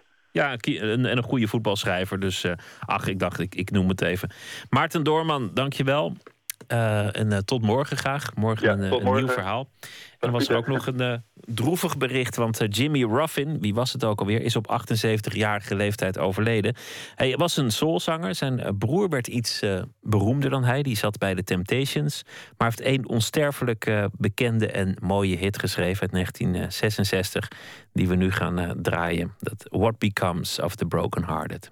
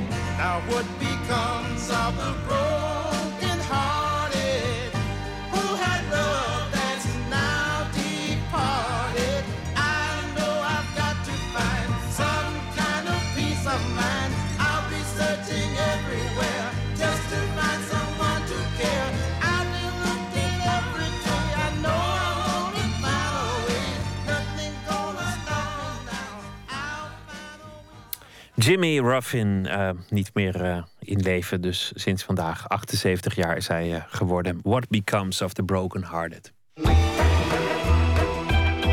Nooit meer slapen. Nog een paar nachtjes slapen en dan is World of Warcraft tien jaar oud. Het uh, online spel dat in termen van een computerspel wel een eeuwigheid dus al bestaat. En het succes blijft ook maar voortduren. Een miljoenen publiek, miljarden omzet en er komt zelfs een uh, film van. Nooit meer slapen, die uh, pakte het zwaard, zadelde het paard op en trok de wereld in van de digitale orks en de wargs. The noble humans of Stormwind are a proud, tenacious race. The recent invasion of the demonic Burning Legion decimated their sister kingdom of Lordaeron. Zo vangt World of Warcraft aan. Over een paar dagen wordt het online rollenspel 10 jaar oud. De makers van het spel schatten dat over die periode zo'n 100 miljoen mensen het spel hebben gespeeld. Nu nog steeds zijn meer dan 7 miljoen mensen geabonneerd en men verwacht dat met de nieuwste update er vele meer bij komen. En eenmaal binnen wordt het nog wilder. Er is zo'n 65 uur aan muziek gecomponeerd en 6 miljoen woorden, oftewel 40 stevige romans aan tekst geschreven. En jij, jij bent de held in dit alles. Ik sprak met schrijver en gamejournalist Harry Hall, kenner en liefhebber van de serie.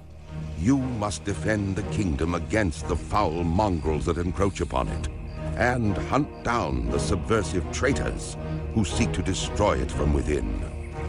Now is the time for heroes. Now humanity's greatest chapter can be told. World of Warcraft is een online rollenspel. Uh, dat klinkt misschien eng. Wat je in feite doet, is je maakt een personage... wat jou vertegenwoordigt in een virtuele wereld.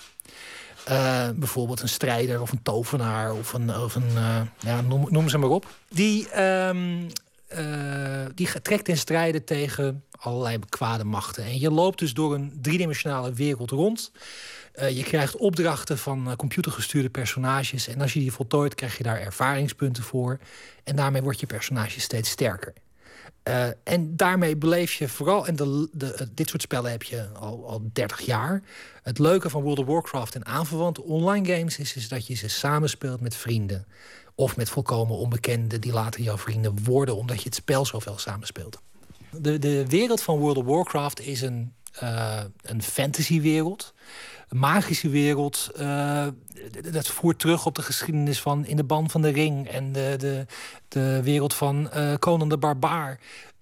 Al dat soort bronnen zijn inspiratie voor deze magische wereld waarin monsters en draken en, en, en allerlei uh, extra wezens hun kwade ding proberen te doen waar de spelers zich tegen moeten verzetten. En het leuke van fantasy is dat tenminste vind ik als je kijkt naar de literatuurstroming en naar de films. Uh, de, de bovennatuurlijke uh, krachten en, en, en, bovennatuurlijke vijanden zijn er eigenlijk alleen maar om te versterken wat mensen in zo'n situatie zouden doen. Het brengt dingen boven in mensen die je in het alledaagse leven niet kunt beleven. Van hoe heldhaftig ben je, hoe, hoe, uh, hoe teamgericht ben je. en dat soort aspecten worden juist door zo'n zo'n grote, meeslepende fantasywereld versterkt en, en, en vormgegeven.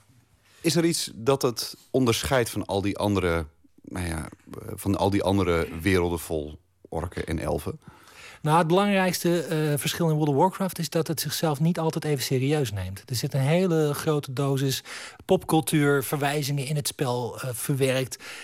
Er is een heel serieus plot met, met een, een held die ten val is gebracht en, en, uh, en nu als de kwade meester tegen de helden strijdt. Allemaal dat soort ja, fantasy clichés uh, zitten erin. Maar ook verwijzingen naar bijvoorbeeld Paris Hilton zitten in het spel verstopt. Het is een, een eh, personage die dit Harris Pilton... die je alleen kan zien als je een speciale nachtkijkerbril op hebt. Nou, de Paris Hilton hype is natuurlijk ook alweer een paar jaar geleden... maar dat soort dingen zitten dus in het spel verstopt. En uh, er is een, een, een, een, ras de goblins. Het zijn kleine groene gremlin-achtige mannetjes. En hun starterswereld, dat, dat steekt de draak met mafiosi... en met, met de Grand Theft Auto games. Dus het, het is ook een soortement van... Um, uh, het is zichzelf heel erg bewust van het feit dat het een spel is. Wise words. Words of a fool, mean? The Horde will destroy the undead without your aid, human, or that of the pompous king. Under my roof, gentlemen, I trust you will behave. Op dit moment heeft het spel meer dan 7 miljoen actieve spelers.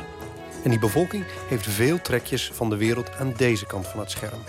Men verenigt zich in groepen en organisaties, handelt op de marktplaats... elke dag meer transacties dan heel eBay, flirt en vecht. Net mensen. Nou, een, een, een heel mooi voorbeeld, maar dat komt niet uit World of Warcraft... want dat komt uit een voorganger van het spel, dat heet uh, Asheron's Call. Een soortgelijk spel, alles wat ik zei over World of Warcraft geldt in feite daar ook voor. En op een gegeven moment was daar een meisje, die was uh, terminaal ziek.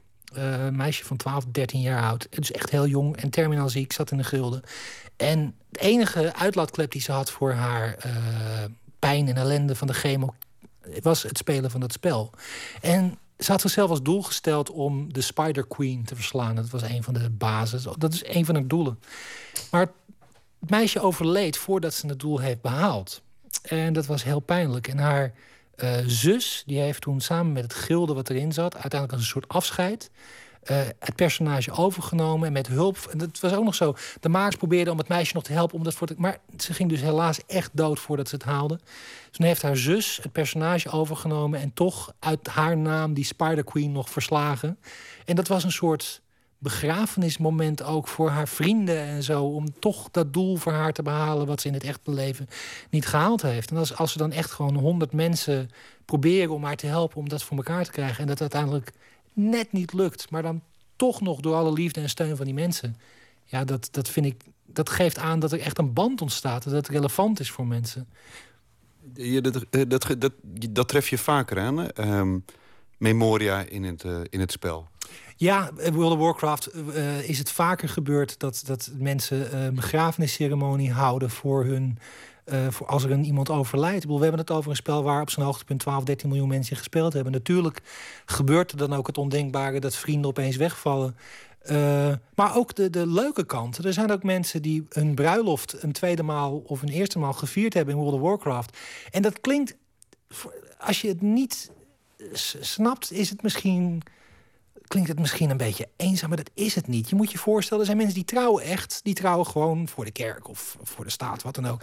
En die trouwen in, ik noem maar wat, in Arkansas, in, in Amerika. En die hebben vrienden in Canada en in weet ik veel wat. En die kunnen niet allemaal naar die bruiloft komen. Nou, dan gebeurt het wel eens dat mensen hun ceremonie overnieuw doen in World of Warcraft, zodat hun virtuele vrienden erbij kunnen zijn.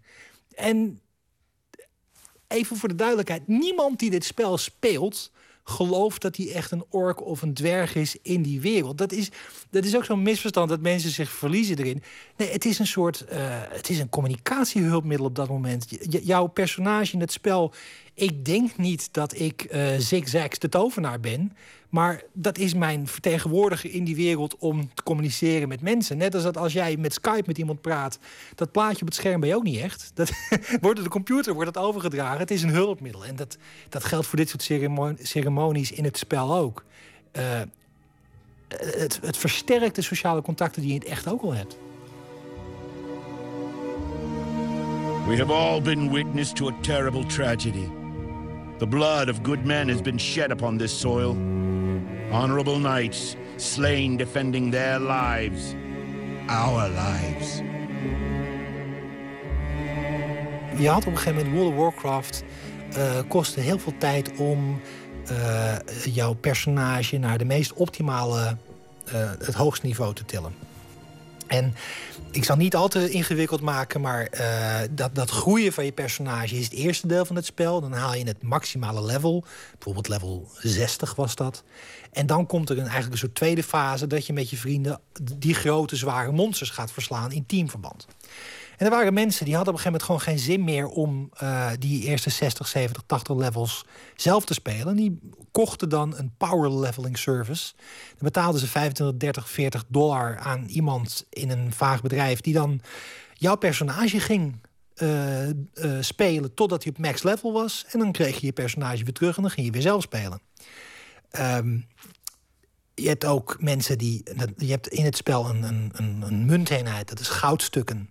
Er waren mensen die zeiden: van, Ja, ik heb geen zin om, eh, om de hele tijd te spelen om goud te verzamelen. Ik betaal wel iemand en dan koop ik wel goud van iemand anders. Eh, dat soort zijindustrie. Dat, dat heeft dus een vrij hoge vlucht genomen. Dat zorgt ook voor fraude. Dat bedrijven dus niet, niet zelf gingen spelen, maar accounts gingen hacken. om andermans goud afhandig te maken in het spel. Dat gebeurde heel veel, gebeurt nog steeds vaak. Mijn account is ook een keer gehackt. Ehm, dus het heeft een soort van, van, van margeverschijnselen opgeroepen. die eh, wat minder plezierig zijn. Maar eigenlijk zeg je dus dat die grote boze buitenwereld... die je enigszins probeert te vergeten als je het spel instapt... die wordt dus ook vrolijk weer het spel ingehaald. Ik, ik zeg wel eens dat er geen echt. Je kan niet zeggen dat de World of Warcraft of al die andere virtuele werelden. dat dat eh, losstaat van de echte wereld. Het voetbalveld is ook een spel, maar dat wil niet zeggen dat wat daar gebeurt niks te maken heeft met de maatschappij. Op alle fronten. We shall triumph. Put your faith in the light, and all is possible.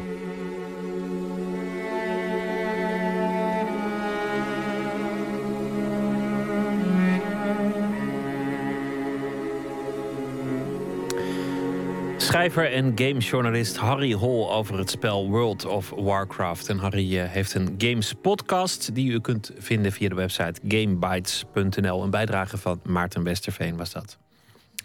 Deze week gaat eh, de derde film in de blockbuster-reeks The Hunger Games eh, in première. Mockingjay Part 1 heet eh, deze episode. En de soundtrack daarvan is gemaakt door een Australische zangeres Lord. En ze maakte er ook een nieuw nummer voor. En dat nieuwe nummer gaan we draaien. Het heet Ladder Song.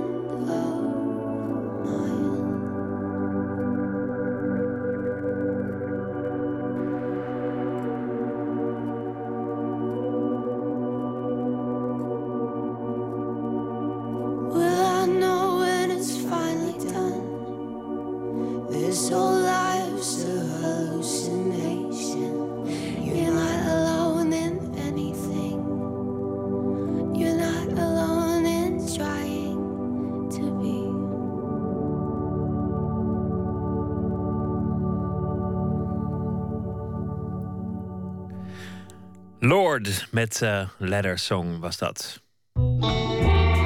Nooit meer slapen. Terwijl het hele land zich uh, druk maakte over de Sinterklaas-traditie en uh, Zwarte Piet, woedt er een andere kwestie die eigenlijk ook wel belangrijk is, maar uh, niet zoveel aandacht krijgt, maar wel al tot een petitie heeft geleid deze week. Moeten de universiteiten van Nederland colleges geven in het Engels of in het Nederlands? Wat is de voertaal van het academisch onderwijs en van academia? Anton de Goede is onze nachtcorrespondent. Goeienacht, Anton. Goeienacht, Pieter. Een uh, petitie, ik wilde hem al bijna verspreken in petitie... maar dit keer gaat het toch over iets wezenlijks. Namelijk een, uh, de voertaal van universiteiten. Dat is een belangrijke kwestie. Wie heeft die petitie uh, opgesteld? Het zijn vier mensen, vier docenten van de Amsterdamse universiteiten. Enerzijds de VU en anderzijds de UvA. Dus de Vrije Universiteit en de Universiteit van Amsterdam. En het zijn mensen van de geesteswetenschappen. Uh, uitsluitend in het Engels college geven is niet goed voor die geesteswetenschappen. Geesteswetenschappen, dat zijn dan geschiedenis, vreemde talen, archeologie, religie, kunstwetenschappen. Um, die toch eigenlijk al onder vuur liggen omdat er zo gigantisch bezuinigd wordt. Um, ja, want dat is natuurlijk toch een kwestie. Ja, aan de ene kant kan je zeggen, je wil internationaal meetellen. Dus, dus doe het nou maar gewoon in het Engels. Want dan kan iemand uh, van Princeton jouw artikel ook nog eens lezen. Goed argument. Aan de andere kant spreekt iedereen toch, toch een beetje dat, dat, ja, dat Engels, het is wel goed, maar het is niet geweldig. En het maakt toch ook deel uit van, van de essentie van de letterenstudies of de geesteswetenschappen. Dat je je heel verfijnd uitdrukt. Heel genuanceerd. Ja, nou dat, is, dat, is, dat is precies, je raak je de kern van wat deze mensen hebben geschreven in een manifest. Uh, Engels is niet meer weg te denken uit het academisch onderzoek. Dat, dat accepteren ze. En internationalisering is prima. Maar moeten onze colleges van begin tot eind Engelstalig zijn? En moet dat bij iedere opleiding? Een van de opstellers is Emilie van Opstal, docent Grieks aan de faculteit Geesteswetenschappen van de VU. En ik vroeg haar wat nou precies hun punt is. De kern van de petitie is dat wij uh, voorstellen om Engels niet klakkeloos bij alle vakken door te voeren in het universitair onderwijs. Maar een onderscheid te maken tussen de verschillende faculteiten. En bijvoorbeeld bij de faculteit der geesteswetenschappen de mensen de keuze te laten, de verschillende opleidingen, uh, hoe ze dat precies willen aanpakken omdat geesteswetenschappen uh, bestuderen wat de menselijke geest voortbrengt. En die brengt primair uh, dingen voort in taal. En uh, taal is, eigen moedertaal, is het beste instrument om die dingen van de geest te bestuderen. Dus wij vinden dat bij geesteswetenschappen de moedertaal een belangrijk instrument is om te leren denken, argumenteren en schrijven. En dat in de bachelor daar veel aandacht aan besteed moet worden. Ja, Anton, uh, een, duidelijk punt. Het is natuurlijk het probleem dat de bureaucraten het overnemen. Die hakken altijd met uh, buitengewoon uh, grof materiaal. Want dan zou je dus de situatie kunnen krijgen dat je afstudeert op Vondel en dat moet doen in het Engels. Ja, ja idiote dingen. Of dat je afstudeert in, in Frans, maar dat je daar les in krijgt in het Engels. Um, ja, ze hebben kortom, een... de bureaucraten zijn aan het werk geweest, dat is altijd lach. Ja, en misschien zit er ook wel achter dat universiteiten studenten uit andere landen uh, willen aantrekken. Um, hele mooie vergelijking, zoals een student geneeskunde het beste mensen leert opereren met een scherp mes, zo leert een student in de geesteswetenschappen het beste analyseren, argumenten en schrijven in zijn eigen moederstaal. Dat is wat zij stellen. Het Nederlands van academici moet heel goed zijn. Dat geldt voor de leraar, de journalist, de advocaat, de communicatiedeskundige. En die studenten leveren wij op de universiteit af als het goed is. Um, ja, wie vinden dan dat dat Engels zo prominent moet zijn op die universiteiten? Wel nu bijvoorbeeld Gert-Jan van Wijngaarden. Hij is van de faculteit Geesteswetenschappen, afdeling Archeologie. En hij formuleerde het als volgt. Waarvoor leiden we deze mensen op? We hebben het over de hoogste vorm van, eh, van opleiding in, in Nederland. En zeker in de masters zul je, eh, is toch de bedoeling dat deze mensen of in de academische wereld of in de zakenwereld of in welke wereld dan ook op belangrijke posities terechtkomen. En die werelden die zijn bijna allemaal, en zeker de academische, internationaal. En wij moeten, vind ik, is het onze plicht deze mensen te leren om zich internationaal staande te houden. En die wereld is nu eenmaal Engels geworden. Ja, een duidelijk punt van Gert-Jan van Wijgaarden. Zo kan je de kwestie ook benaderen. Als het probleem is dat mensen zich eh, het scherpe mes dat jij noemt... niet verfijnd genoeg kunnen uitdrukken in het Engels... dan moet gewoon het niveau van het Engels omhoog. Daarover straks, want dat is inderdaad een, een, interessante kwestie. Je kunt ook nog zeggen van ja, deze archeoloog die bezig is met, met oneerbiedig gezegd, potjes uh, bestuderen en opgraven. Ja, dat kan al heel snel in het Engels natuurlijk. Deze man die werkt ook in Athene met Griekse studenten, met Duitse studenten. En dan komen ze er wel uit in een soort potjes uh, Engels, zal ik maar zeggen. Wat vindt intussen de student? Ik sprak met de 24-jarige student klassieke talen Thomas Hart. Zou hij de petitie tekenen? Ik vind het helemaal geen probleem om in het Engels te spreken, maar ik ben het wel eens met de petitie in zoverre dat ik merk aan mezelf en ook bij medestudenten dat er, ik denk misschien wel puur cognitief gezien, dat er veel energie gaat zitten in puur het spreken van Engels en dat misschien daardoor wel de kwaliteit van wat je wilt zeggen of de duidelijkheid daarvan moet inboeten. Ja, nou die zit uh, mooi in het midden. Dat is altijd een uh, teken van wijsheid. Een genuanceerd oordeel, maar hij staat toch achter die petitie van die vier docenten. Um, en hij is inderdaad mooi genuanceerd. En wat mij opviel, dat deze Thomas Hart ongelooflijk mooi formuleert. Um, over die taal, die talen, die taalbeheersing. Probleem is natuurlijk dat docenten nu verplicht worden in veel gevallen om in het Engels te doseren. En de vraag is hoe goed Engels zij eigenlijk beheersen. Uh, als docenten worden aangenomen, worden ze, zo hoorde ik vanmiddag, niet beoordeeld op hoe vaardig zij zijn in het Engels. Uh, luister naar wat Thomas Hart daar nog over zegt. Dus ja, dat is uh, zeker een bezwaar, denk ik. En goed, je, je zou er tegenin kunnen brengen dat het juist daarom belangrijk is dat we het wel allemaal in het Engels doen. Want hoe gaan we beter worden in, in Engels als we het niet oefenen? Maar goed, de vraag is dan of die oplossing gezocht moet worden in, hè, in, het, in het op deze manier aanbieden van colleges in het Engels. Ja, oefenen tijdens colleges uh, dus. Ik heb wel zo'n uh, zo'n congres voorgezeten voor, voor iets academisch... waar dan iedereen elkaar in, in slechte Engels toespreekt... en soms ook in heel goed Engels overigens. Terwijl er echt geen één niet-Nederlandstalige in de zaal zat. Dus, dus het heeft toch ook iets van een toneelstukje. Wie ben je nou eigenlijk aan het volgen? Ja, nou ja, ik had van, van, vanmiddag dus uh, een van de petitieondertekenaars uh, aan de lijn.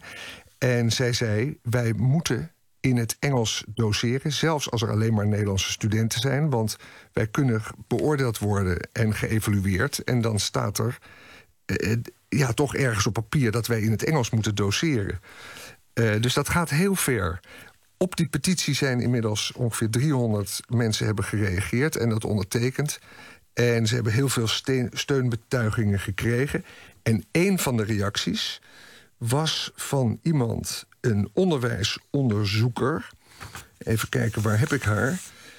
Uh, en dat is Dr. Anders I.S. Breedveld, psycholoog-onderzoeker van het Koonstam Instituut van de Universiteit van Amsterdam. Zij uh, voelt zich zeer aangetrokken tot dat manifest tot behoud van het Nederlands. En zij zegt: De universiteit wil niet dat ik er onderzoek naar doe. En dat zou eigenlijk interessant zijn. Dan gaat de academische uh, vrijheid dus ook uh, ten offer aan de, de bureaucraten en hun agenda. Ja, jij hebt het over de bureaucraten en hun agenda. Misschien is dat een. Uh, een, een oneerbiedige een, term, wil je dat zeggen? Nou, nee, dat weet ik, dat weet ik niet. Ik, ik heb vanmiddag dus een rondje gebeld. Ik heb die student aangehoord. Ik heb Piet Gerbrandi nog gesproken. Ook een van de uh, opstellers Piet Gerbrandi, de man die nu genomineerd is voor de VSB Poëzieprijs, die prachtige vertalingen heeft gemaakt uit het Latijn. Een echte taalliefhebber. En die, ja, die mag zijn college straks misschien niet meer in het Nederlands geven. Dat is echt, dat is echt dat doet pijn. Ja, en het Eh, grappige is dus- dat dit, dit speelt eigenlijk overal. Hè? Want, want eh, bijzondere vertalingen die, die, die gaan eraan. En er worden steeds minder Nederlandse films gefinancierd. En dat ligt ook nog verder onder vuur. Dus, dus dat, dat Nederlands, wat toch een bijzonder verschijnsel is... dat je, dat je in zo'n klein landje een eigen taal hebt... dat, dat ligt onder vuur. Overigens denk ik dat, dat over een jaar of tien of, of misschien twintig... dan hou je gewoon je telefoon voor je mond... en dan druk je op, op, op een toets welke taal eruit komt... en dan vertaalt je telefoon gewoon alles wat je zegt. Dus dan, dan zeg je Engels of dan zeg je Russisch... of dan zeg je, eh, weet ik veel, eh, Je- Jezidis... en dan komt dat er gewoon uit. Daar, Ja, ga- daar gaat het natuurlijk gewoon dan- naartoe. Maar dan krijg je niet de colleges die je nu nog wel kunt krijgen van Piet Gerbrandi en van die andere ondertekenaars, van Mieke Koenen, die een prachtige biografie over Ida Gerhard heeft geschreven onlangs. Die houden van hun taal en die er verdieping en relief aan kunnen geven. Precies wat Emily van Opstal ook zei. En dat is echt dood en doodzonde. Dus als jij zegt, er is nog een andere kwestie buiten de Zwarte Pieten discussie dan is deze kwestie misschien eigenlijk wel veel belangrijker dan die Zwarte Pieten discussie. Anton de Goede, dank je wel. En eh, mag ik je een eh, goede nacht eh, wensen. En die petitie, nou, die kan je wel vinden als, je, als mensen een beetje gaan googlen. Want die moeten natuurlijk ondersteund worden. Misschien wel. Als Oké, je, je klinkt, je klinkt strijdbaar. Als, als je het ermee eens bent. Want het kan natuurlijk ook zijn dat er mensen zijn die zeggen van... eh donder op, het is een internationale wereld... en zo'n klein blauw bolletje moet iedereen nou in zijn eigen taal gaan lopen. Vooral toen dan komt Academia nooit een eh, donder verder. Anton de. Goede, dank je wel. We gaan luisteren naar eh, Neil Young. Behoeft verder geen introductie. I want to drive my car.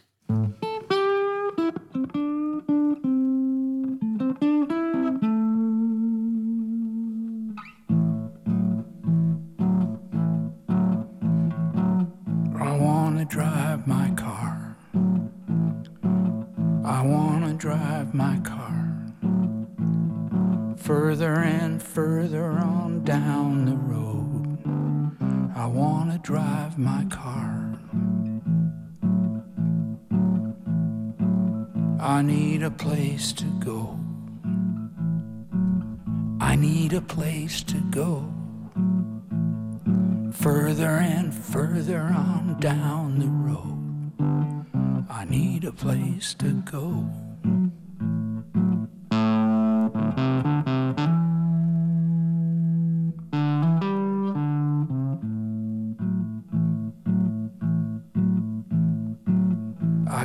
Find my way. I gotta find my way.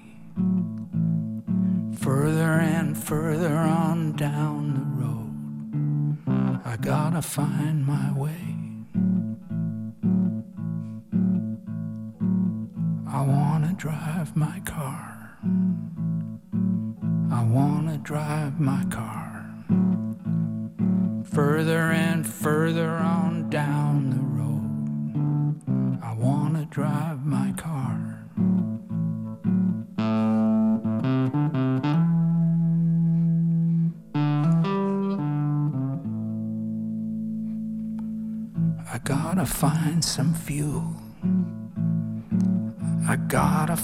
some fuel.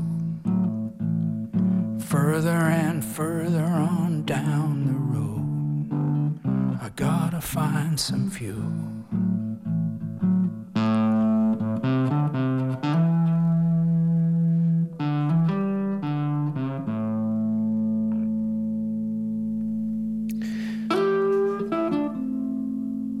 Neil Young was dat van een eh, nieuw album Story Tone, waarin hij eh, zijn nummers uitvoert in een zeer kleine bezetting, namelijk gewoon eh, hemzelf. En ook in een heel grote bezetting, namelijk met een heel orkest. I Want to Drive My Car was dat.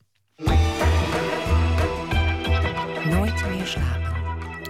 Afgelopen avond begon in Amsterdam het eh ITVA, het Internationaal Documentaire Festival. En een van de films die daar te zien zal zijn is Ghosts of the Past, oftewel Spoken van Viggo. Daarin volgen Walter Grotenhuis en Sinta Vorger een ex-crimineel Viggo.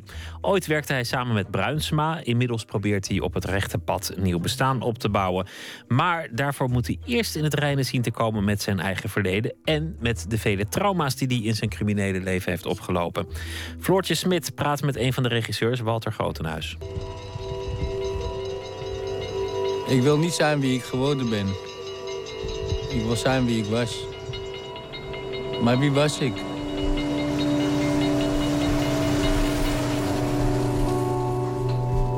Ergens in Nederland woont de vijftiger Figo. In een appartementje, samen met zijn hond. Hij is ziek. Chronische altvleesklierontsteking zorgt ervoor dat hij soms dagen zijn bed niet uitkomt. Alle tijd om de balans van zijn leven op te maken.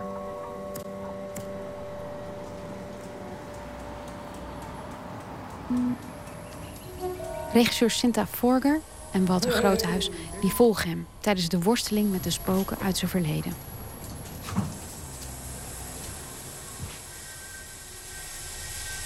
Ik ben nu 54 jaar. Toen ik een jaar of 18 was, toen ben ik dus uit de familie gestapt. En toen ben ik dus de criminele wereld ingegaan. Ik zat daar heel gestrest in. Ontzettend iets anders doen om maar niet stil te komen staan en te gaan nadenken. Ghost from the Past is een onthutsende documentaire. Een portret van een man die ondanks een krankzinnige jeugd en een leven in de criminaliteit toch weer met een schone lei wil beginnen. Wij vonden het bijzonder als, als twee makers van is het eigenlijk wel mogelijk om schoon schip te maken? Als je zo beschadigd bent door eigenlijk twee, twee grote factoren, door, door, zijn, eh, door zijn opvoeding, die daarin heeft meegemaakt, en daarna door de misdaad. Je wordt daardoor ja, eigenlijk zo eh, gemangeld dat ik, wij vroegen ons af van kan dat eigenlijk wel? Kun je dat? Dus wij vonden dat sowieso een boeiend experiment. En we kwamen natuurlijk via zijn verhalen kwamen wij toch in een soort, in, eigenlijk in twee werelden tegelijk terecht waar je anders nooit in terecht komt. Ik ken geen gezin waar eh, eh, incest welig tiert. En ik ken ook geen, eh, geen criminelen. Dus ik dacht, nou ja, dat eh, lijkt me heel boeiend. Hoe kwam je bij Figo? Ehm, via een vriend van ons. Die heeft een reïntegratiebedrijf in Delft. En die zei van, nou, ik heb nu een heel bijzondere familie voor jullie. Dat zou wel iets voor een film kunnen zijn. Nou ja, toen hebben we die man gesproken. En daarna zijn zussen. Ja, nou, dan kan je niet meer onder het onderwerp uit natuurlijk. Dan eh, ga je er meteen op af. Want een bijzondere familie is het. Figo komt uit een heel geïsoleerd gezin, waar de wapens thuis voor het grijpen lagen. Aan het hoofd staat een weduwnaar, liefhebber van de Sound of Music en een die wel een heel vergaande relatie met zijn dochter Vonnie had. Moesje is mijn moeder die doodging toen ik één jaar was. En het verhaal is altijd geweest dat Moesje op haar sterfbed aan Fonny heeft gevraagd of zij alsjeblieft pa niet in de steek wou laten en ons niet aan een stiefmoeder wou overhevelen. Fonny was mijn moeder. Die zorgde voor mij en eh, ja, ik hield wel veel van Fonny. Ik dacht altijd dat het Fonny, Fonny de vrouw van pa was. Vanaf mijn twaalfde begon ik dus zeg maar in de gaten te krijgen hoe het nou eigenlijk zat. Dat het dus allemaal een beetje anders werd als dat het was. Ik heb, ehm, ik heb de documentaire gezien. Ik moet eerlijk zeggen, ik viel van de ene verbazing in de andere. Het ene extreme verhaal volgt het andere op. Hè. Ja. Ja, dat klopt. Dat hadden wij natuurlijk ook wel. En ik moet zeggen, ehm, ja, het had wel drie uur kunnen duren. Maar we hebben ons erg ingehouden in het niet zoeken van sensatie. En dan nog val je van de ene verbazing in de, in de andere. Als je in het ruwe materiaal zou kunnen kijken, wat daar allemaal nog allemaal in zit aan, aan, aan narigheid. Het is, het is onvoorstelbaar uit wat voor ehm, aan de ene kant vrede, mini-maatschappij die man komt, waar aan de andere kant ook, ook liefde en affectie heerst. Met, met eh, gezelligheid onder de kerstboom. En aan de andere kant ook gewoon het, het verborgen houden van, van, van leugens. Heb je nooit tijdens het proces gedacht: dit, dit zijn zulke extreem, dit gaat gewoon bijna te ver voor, voor een film? Ja. Ja, dat heb, wij hebben wel eens gedacht van eh, dit, dit, dit, dit gelooft eigenlijk dit gelooft niemand meer. Althans, de kans bestaat dat mensen zeggen van nou, aju, het is allemaal eh, leuk gedaan. Maar eh, klopt het eigenlijk wel? Is het, is allemaal wel waar? Heb je het voldoende gecheckt? En ja, dat hebben we zo goed mogelijk gedaan. En, en verhalen waarvan we dachten, dit kunnen we niet ondersteund krijgen door, door, door derden of andere familieleden. Die hebben eruit gelaten. Hoe gaat het met jou? Ik ben ziek geworden. Ik heb een chronische alvleesklierontsteking. Dus eh, nee, er is geen genezing. Eh, Gewoon als een oud mannetje leven. Luister, je moet die buurman nog een klap komen geven voor me. Hé, Wurman. die vervelend is geweest. Komt goed, Figo. Maak geen zorgen, man. Oké, man. Ga ik je later spreken. Je gezondheid, Figo, is het belangrijkste. Waar- waarom wilde hij zelf zijn verhaal vertellen? Ehm, nou, ik vind, ik, ik vind zelf altijd de stevigste motivatie voor iemand aan een film mee te doen als hij er zelf ook belang bij heeft. Nou, dat, dat belang hadden, hij en zijn zus sowieso, omdat ze dus eh, psychotherapeut zijn, zijn zus respectievelijk hij wil worden. Dus dat is best handig als je zo'n film hebt. Daar kan je ook mee aankomen bij de reclassering, bij de GGZ, et cetera. Dus het is handig om zo'n film te maken. Maar er spelen natuurlijk ook wel andere, ja, wat, wat kleinere, maar toch ook belangrijke motieven mee. Van, hij was behoorlijk eenzaam. Hij is uit die misdaad gestapt. Had geen vrienden, bijna geen vrienden in de burgermaatschappij.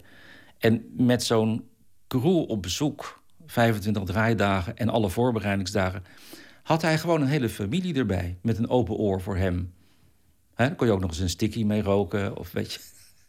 Dus het was eigenlijk ook best fijn. Dus het is een scala aan motieven. Plus ook dat hij ook een boek aan het schrijven was. En zo'n film, door de vragen die je stelt, ordent ook dingen voor hem. Dus daar had hij ook allemaal nut bij. En laat ik het nou niet alleen maar in het, in het, in het, eh, in het eigen belang van hem trekken. Hij wilde er ook iets mee, mee laten zien. Van hoe dat kan in een gezin. Dat er, dus, dat er dus incest is, terwijl iedereen eigenlijk zich daarvan afwendt. De rest van de familie, de buren, eh, zelfs hulpverleners, artsen, eh, et cetera. Hoe dat, hoe dat toedekken eigenlijk allemaal gegaan is in onze maatschappij de afgelopen tientallen jaren. Dus hij had ook wel een soort algemeen belang in het oog. Ik vind die combinatie vind ik altijd het beste.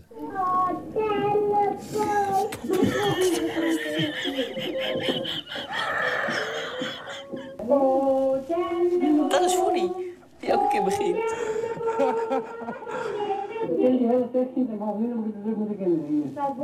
Wat zegt hij nou? Ik ken heel de tekst niet en bovendien heb ik het te druk met de kinderen hier. Oh, oh, oh. Op een gegeven moment ehm, gaan ze naar zolder en dan vinden ze een hele doos met, met filmpjes. Wist jij dat die filmpjes er waren? Of was dat voor jou echt letterlijk een, een schatkist die op dat moment openging? Eh, beide. Wij wisten, dat, eh, wij wisten dat het er was, want dat hadden ze ons verteld. Maar ze hadden daar gewoon in eeuwen niet meer naar gekeken. Het lag er gewoon opgeslagen als een deel van het archief... wat bij eh, zijn zus, eh, Figo's zus Kirsten terecht is gekomen... na het overlijden van hun beide vader. In, in 2000 was het, geloof ik. En ze hebben dat gewoon daarna niet meer gezien... En ze hadden ook eh, bijvoorbeeld fragmenten zoals dat die vader de tape recorder aanzet als die moeder overleden is. Dat hadden ze nooit meer gehoord sinds die tijd. Ze wisten dat er moet ergens een tapeje zijn waar een vader eh, huilend bekend maakt dat moeder is ingeslapen. Dus dat was voor hun ook echt een ontdekking. Ja, dat vind ik altijd fantastisch. Dat soort momenten, dat je daar, dat je daar dan bij kan zijn. Dus we hebben gewoon altijd gezegd... En ik kan natuurlijk niet controleren of ze dat niet gedaan hebben. Van blijf van die doos af. Daar willen wij bij zijn. En, maar ik neem aan dat dat inderdaad zo, eh, wel zo gegaan is. Hallo. Oh. Even. Hoe is het?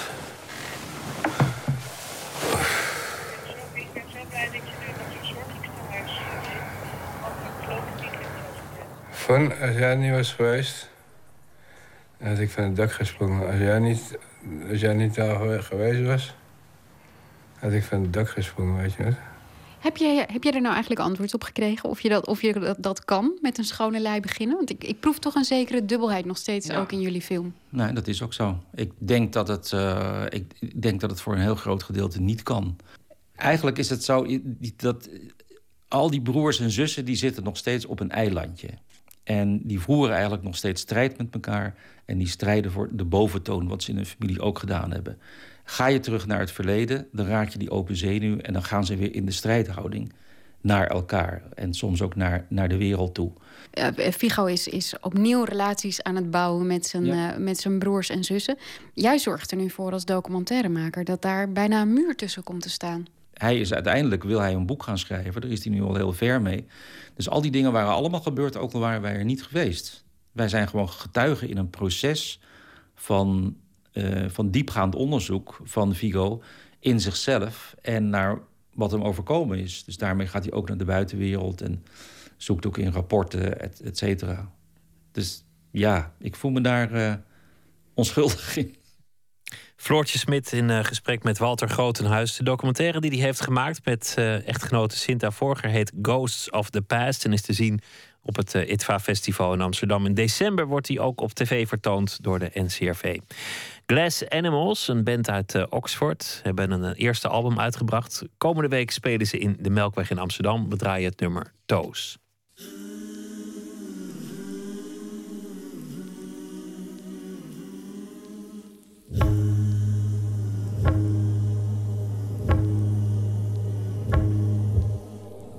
Put your hand down, boy. Welcome to my zoo. Put your head inside my big black wild wild.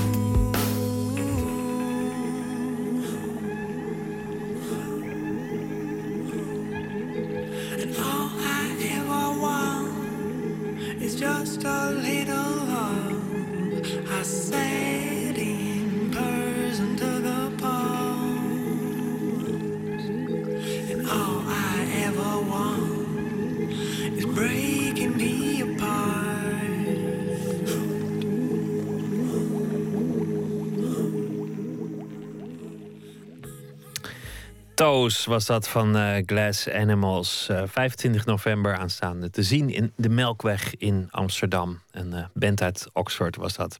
We zijn bijna aan het einde gekomen van deze aflevering van Nooit meer slapen. Twitter, het VPRO NMS. Of via de mail nooitmeerslapen.vpro.nl. Morgen na middernacht dan eh, zit hier Hans Ubbink. Bekend eh, modeontwerper. Misschien wel de bekendste ontwerper van Nederland als het gaat om herenkleding. Hij eh, gaat stoppen in de huidige vorm met zijn eh, bedrijf. Hij gaat eh, andere dingen doen. Dus reden om morgen langs te komen. Want per 1 januari 2015 stopt hij. Dus de laatste collectie van Ubbink ligt al in de winkels. We gaan het hebben over mannelijkheid, over kleding, over mode en natuurlijk ook over de herenonderbroek. Een belangrijk onderwerp, zoals u zult begrijpen. En verder eh, aandacht voor kunstenares eh, Maartje Kostanje bij de opbouw van haar nieuwe tentoonstelling in het Groninger Museum. Ze maakt eh, sculpturen van papier maché met allerlei andere mat- materialen die ze daaraan toevoegt. En morgen hoort u een gesprek met haar in Nooit meer slapen. Voor nu wens ik u een hele goede nacht. Morgen een leuke dag en daarna graag weer dat u luistert. En straks op deze zender de Vara met Francisco van Jolen met De Nacht van Jolen. Ik wens u daarbij veel plezier en een hele goede nacht.